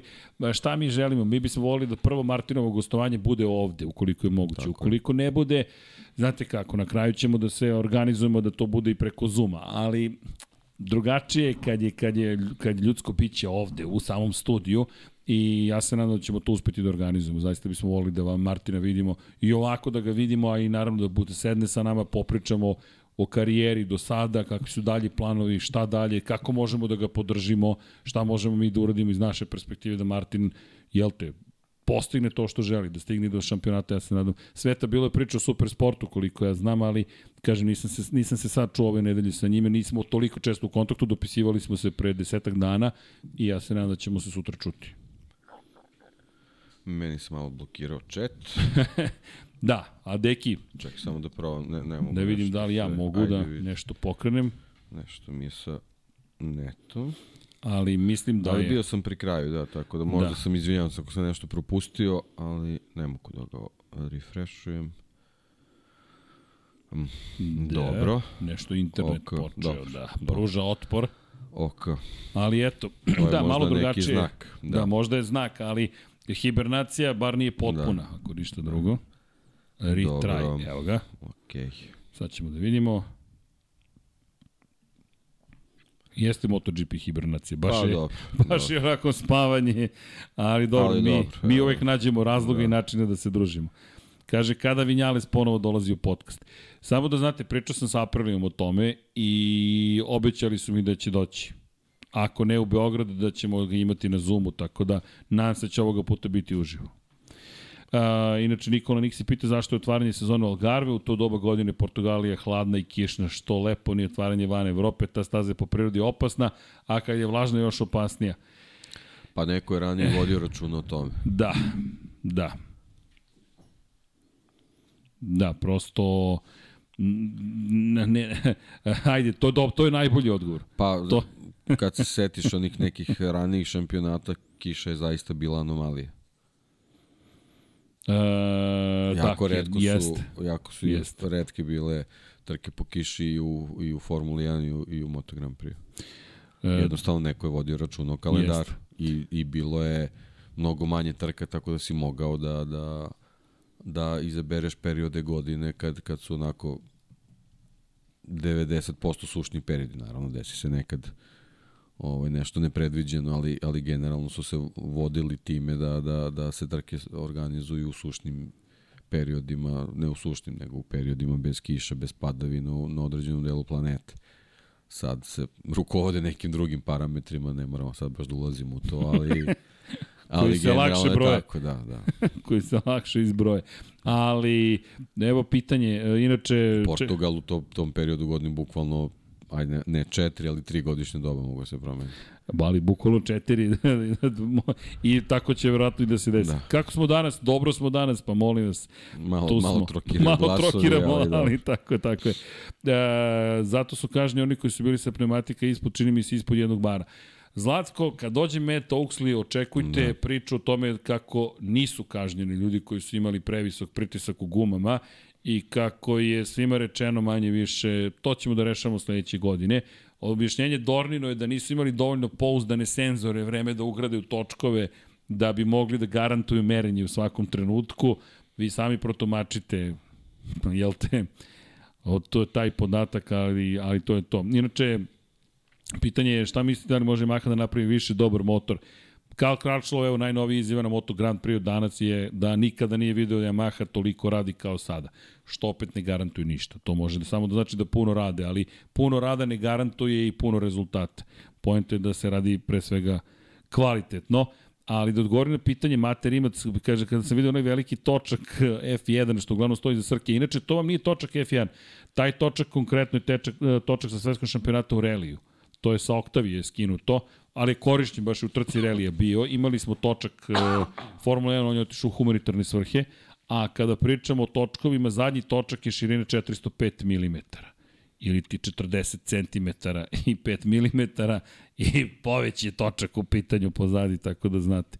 Ne, ovo je pitanje za Formula 1, ali da odgovorimo. Šta znači vozač broj 3 u Red Bullu i Ricardo, da li je to vas pitanje čeka? Pa to vam je Red Bull je postavio super poziciju i može da se tumači kao čeku, informacija čeko, radiš ono što smo se dogovorili, to je to, imamo Ricarda sada kao rezervu, ali isto tako poruka na nivou Daniele, ti si sad ponovo, u, on je napisao, vraćam, vratio sam se kući, tu kako god pogledate, čovek je stigao kući, mislim da njemu ta pozicija trenutno odgovara, možda ćemo se otvoriti vrata ponovo, Alfa Taurija, Red Bulla, nemam pojma, a s druge strane možda će voziti show ranove po svetu. Pa ne, bolje, bolje je status vozača nego da je, da je neko ko nema angažman godinu dana. Tako da ovaj status njemu daje nadu da, da će se možda vratiti takmičarski kokpit. Eto, to je Pa to da. je informacija u, u njegovom smeru. Pa, da. sve, sve drugi smerovi su ile, irelevantni, nisu, nisu pretarano bitni. Christian Horner, izvini, koji je rekao da je on čovek koji je da to je da je zapravo čovek koji je medijski vrlo važan i da ima, da privlači mnogo pažnje. To je isto Red Bullu važno. Inače, pozdrav za Mihajla Petrović, kaže, pozdrav Srki, bili smo u Valenciji, vraćali ste me u hotel posle. Pozdrav za ekipu iz Valencije, lepo smo se družili. A Nikola Niksi kaže hvala što ste pročitali pesmu, Nikola. Hvala vama što ste napisali pesmu. I nemoj da se izvinjavate za neke slovne greške. Ma kakve slovne greške? I hvala drukarima, kaže, sa četa za lepe komentare na live-u kad ste čitali. Zaista je predivna pesma. Tošić kaže, bar znamo ko pobeđuje u Portimao, Olivera, Olivera na aprili po kiši. Uopšte nije nemoguće, sad vidjet ćemo a Master ima da li verujete da Marke, Markezu da nije zadovoljan motorom i da se neće boriti za titulu. A, gospodin doktor profesor Dejan Potkonjak koji inače zajedno sa Pajom kad ja pošto nemam taj konzervativni zvanično pristup pa ja čitam zvanični izjave pa je tumačim onda me njih dvojica gledaju i, i pošto koriste formu podcasta da me blago i smevaju, hvala im na tome, ali zaslužujem Da li mu verujemo? Apsolutno ne, ali isto tako to ne znači da nije istina. Nema, niko nema pojma. Inače, smejali su se u pres centru mnogi kada je to izjavio, a ja koji kao, pa eto, izjavio je i, sam, i gledaju. Uglavnom, Britanci imaju taj, jel te, britki humor. I ovako mi gledaju, stvarno, Ja kao, pa dobro, to izjavio. Pa kada ste izjavio, čovječe, ko zna šta se zbiva. Tako da ne znam. A da zamislimo Markeza u Ducatiju, bolje da ne zamišljamo, s ovim Ducatijem bojim se da bi bilo brzo završeno sve. Čak i ovako još uvek nedovoljno oporavljen, ali ko zna. Koliko očekujemo Dizana u sledećoj godini u Moto2 klasi? Dosta. Ne, kažem da će se odjedno boriti za titulu, ali mislim da će biti čovek koji se odlično snalazi da, u, ako u toj nastavi situaciji. sa ovim pristupom Da. da. kakav je bio u ovoj sezoni, To je to. to je to. To je to. Bukvalno to je to. E, zašto su kažnjeni? Ne, dakle, točak, to smo sve pročitali. E, kako je stanje sa i to smo pročitali. Pa deki, ti si baš bio To je to. bio, to je bio to, vredan. Da. A, ljudi, ne zamerite, moramo polako da se kaže, a kebab u dva ujutru, ne sjećam se tog kebaba u dva ujutru, ne znam o čemu pričate, Aleksandre, ali Mihajlo, a kebab u dva ujutru, ovde komunikacija. Pedro Acosta da osvoji Moto2 kvota, kvota 1.05. Ok, ok, nije da nema smisla, ali polako. Čudne stvari, tako su isto rekli da svetsko prvenstvo ne znam ko će da dobije, ali kaže kako vam je grlo, evo persiranje, uđuh malo pred neki, Sve gore. sve gore. Ljudi, Da. a, moramo da se pozdravljamo polako, da, pre nego što odemo. Molim vas, da, naravno, mazite se i pazite se i budite dobri jedni prema drugima, ali, ali, ali, i pored toga što vas molim da udarite like, imam jednu veoma važnu molbu, a to je da dođete sledećeg utorka, 21.00, Deki i ja ćemo raditi na tome da se u potpunosti oporavimo do tog utorka od, od 9 časova uveče, da budemo spremni za Lab 76 broj 100 i nadam se da ćemo ga obeležiti i proslaviti kako treba. 29. novembar, slučajno ispolo je prvi, po poslednji utorak u, jel te, novembru ove godine 29. ali tumačite to kako god želite, nije nikakva provokacija, prosto se lepo potrefilo. Nama je to i dalje zabavno, gledamo samo pozitivne stvari, a kada je reč o proslavi, to je u pivnici u Radničkoj 4, tačnije u punionici, da ne kažem točionici, pored samog postrojenja, to je samog proizvodnje. Dogma pivara je u pitanju i potrudit ćemo se da vas lepo zabavimo. Zaista je pojento da se družimo, nećemo se baviti nekim teškim analizama, ozbiljnim pričama, odgovarat ću, izvinjam se na pitanja, a potrudit ćemo se da imamo spremni i pehare za oni koji su bili najbolji u fantaziju.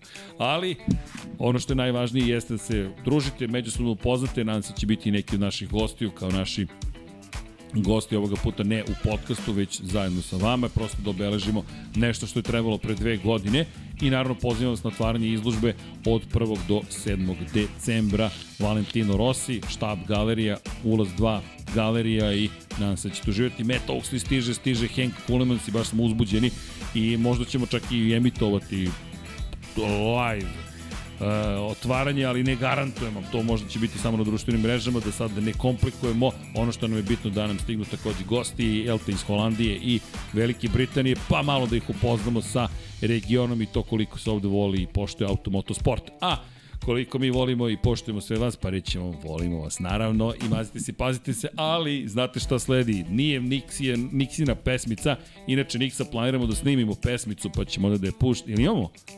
Ili imamo?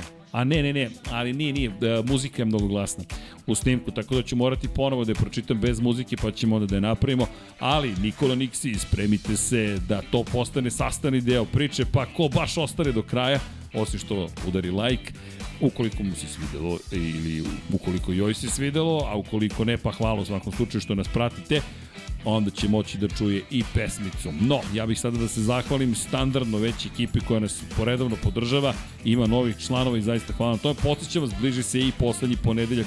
Je li ovo poslednji ponedeljak sada? Deki. znači da zoomujemo u ponedeljak. Dobro, podsjećam sve koji su članovi ili patreoni na YouTube-u da se bliži i još jedno Zoom druženje. Kratak, kraći period od prethodnog Zoom druženja, pošto ideja nam je bila da se družimo svakog poslednjeg ponedeljka u mesecu. U svakom slučaju, hvala, MS13, sa, ja sam pomislio da je Miss13, to je gospodin 13, tako da Mr. 13, izvinjavam se, ali hvala, Drago Veković, korespondent, korespondent, Tatjana Lemajić, Kosta Berić, Koja 7, Ivan Vincetić, Bojan Gitarić, Igor Ninić, Milan Bačić, Ljenjana Milutinović, Dato Gaming, Ivan Hornjak, Aleksandar Nikolić, Aleksandar Kockar, Marko Bogovac, Nikor 24, Aleksandar P, od DG, Regi, Toleador, Sejdo Mujčić, Uroš Ćosić, Marko Stojković, Nikola Božović, Nikola Vulović, Ivana Vesković, Igor Ilić, Vuk, Nemanja Bračko, Maksi, Mensur Kurtogić, Galeksić, Uroš Čuturilo, Alen Jasenović, Žarko Jovanović, Voča Pero, Vladan Đurić, Marakos, ili Marakoš, Zlatko Marić, Milan Knežević, Aleks Vulović, Nemanja Cimbaljić, Bojan Pejković, Almir Vuk, Resničanin, Petar Bijelić, Kro Robi, 0-0, Pavel Lukić, Milorad Reljić, Saša Stevanović, Toni Soni, 76, Nikola Niksi, Branko Rašević, Nikola Grđan, Miloš Tanimirović, Bakadu, Ivan Magdalanić, Ivan Vujasinović, Veselin Vukićević, Branislav Dević, Vukašin Vučenović, Almedin Ahmetović, Nemanja Labović, Miloš Zelj LFC, Nikola Kojić, Nemanja Miloradović, Marina, Vlada Ivanović, Oliver Nikolić, Jelena Jeremić, anonimna osoba, zatim Nemanja, i Bojan Markov, a Patreoni su Patreoni su Patreoni članovi su carevi, a Deki kašlje i Deki mora da ide kući pod hitno. Sad ćemo, Deki, evo da, da osvežim se i ja. Ovo su vitamini. Pa vi vidite kakva je situacija trenutno u studiju na kraju univerzuma. Zatim, Patreoni, hvala. 352, Đurđica Martinović, Salim Okanović, Matija Binoto, Lj. Đurović, Danka, Mladen Tešić, Đorđe Milanović, Stefan Vuletić, Marko Kostić, Jelena Veljković, Aleksa Valter, Ivan Milatović, Dušan Delić, Luka Martinović, Vojin Kostić, Marin Antonović, Aleksa Lilić, Sead, Dorijan Kablar, Matej Sopta, Igor Jankovski, Nikola Milosavljević, Marko Kozić, Šmele, Marko Petrkanović, Srđan Sivić, Milan Apro, Branimir Rijevec, Nemanja, Jasmina Pešić, Matija Rajić, Zoran Cimeša, Danijela Ilić, Đole, žena mi zna, Andreja Miladinović, Borislav Ivanović, Miloš Radosavljević, LFC, Crnogorski džedaj, prisutni, zatim Vlada Ivanović, Grgo Živaljić, Jugoslav Krasnić, Andreja Branković, Nebojša Živanović, Ivan Rečić, Andrej Bicok, Veselin Vukičić, Dimitrije Mišić, Ivan Ciger, Safet Isljami, Ivan Panajotović, Boris Erceg, Džigi Bao, Branislav Kovačić, Dipet Skoldi, Garbrand Fan, Aleksandar Jurić, Vladimir Filipović, Vladimir Petković, Đorđe Đukić, Pavle Nj, Miloš Todorov, Todorov, Emir Mesić, Andrija Todorović, Ertan Prvić, Alen Stojčić, Bojan Markov, Bahtir Abdurmanov, Darko Trajković, Dejan Đokić, Ferenc Laslov i Branko Bisački, Žarko Milić, Aleksandar Milosavljić, Igor Gašparić, Vukašin Jekić, Branislav Marković, Igor Vučković, Aca Vizla, Dejan Vujović, Nemanja Zagorec, Aleksandar Antonović, Novak Tomić, Boris Kujundžić, Tijana Vidanović, Aleksa Jelić, da žena ne sazna, Dušan Petrović, Lazar Pejević, Stefan Deljković, Alen Vuletić, Zoran Majdov, Nikola Stojanović, Senko Samrđić, Bojan Majstorović, Antonio Novak, Stefan Milošić, Miroslav Cvetić, Đole, Bronkos, Ognjan Marinković, Aleksandar, Nemanja Miloradović, Marina Mihajlović, Dušan Ristić, Miloš Vuletić, Luka Manitašević, Zorana Vidić, Marko Hork, Boris Golubar, Mirena Živković, Josip Kovačić, Andrej Božo, Boris Gvozden, Nenad Simić, Petar Relić, Bojan Mijatović, Milan Nešković, Borko Božunović, Marko Ćurčić, Mlađan Antić, Kristijan Šestak, Stefan Vidić, Ivan Žorž, Luka Savić, Jelena Mak, Goša 46, Kovačević, Omer, Monika Erceg, Nenad Đorđević, Nikola Božinović, Filip, Mihajlo Krgović, Đorđe Radović, Predrag Simić, Ivan Simonović, anonimna osoba, zatim Zoran Šalamun, Aleksa Vučaj, Miloš Banduka, Mario Vidović, Zoltan Mezej, Stefan Lešnik, Ivan Maksimović, Toni Ruštić, Milan Đurđević, Marko Bogovac, Nikola Grujičić, Marko Mostarac, Mladen Krstić, Marko Čuković, Stefan Dulić, Ivan Toškov, Stava Dugi, Jelena Jeremić i Ozren Prpić. Ljudi, hvala vam još jednom što ste bili sa nama, 252. izdanje, 100. izdanje, utorak 21.00, Dogma, Teprom, Radnička 4, gospodin Dijan Potkonjak, e, ne možemo da vam ga prikažemo u ovom trenutku i Vanja je to izbegao da učini, Biće spremana, a do tada, ljudi, Hoćemo da se pozdravimo, deki. Može. Drugari, uz jednu robustno. Ćao, Ćao svima. svima.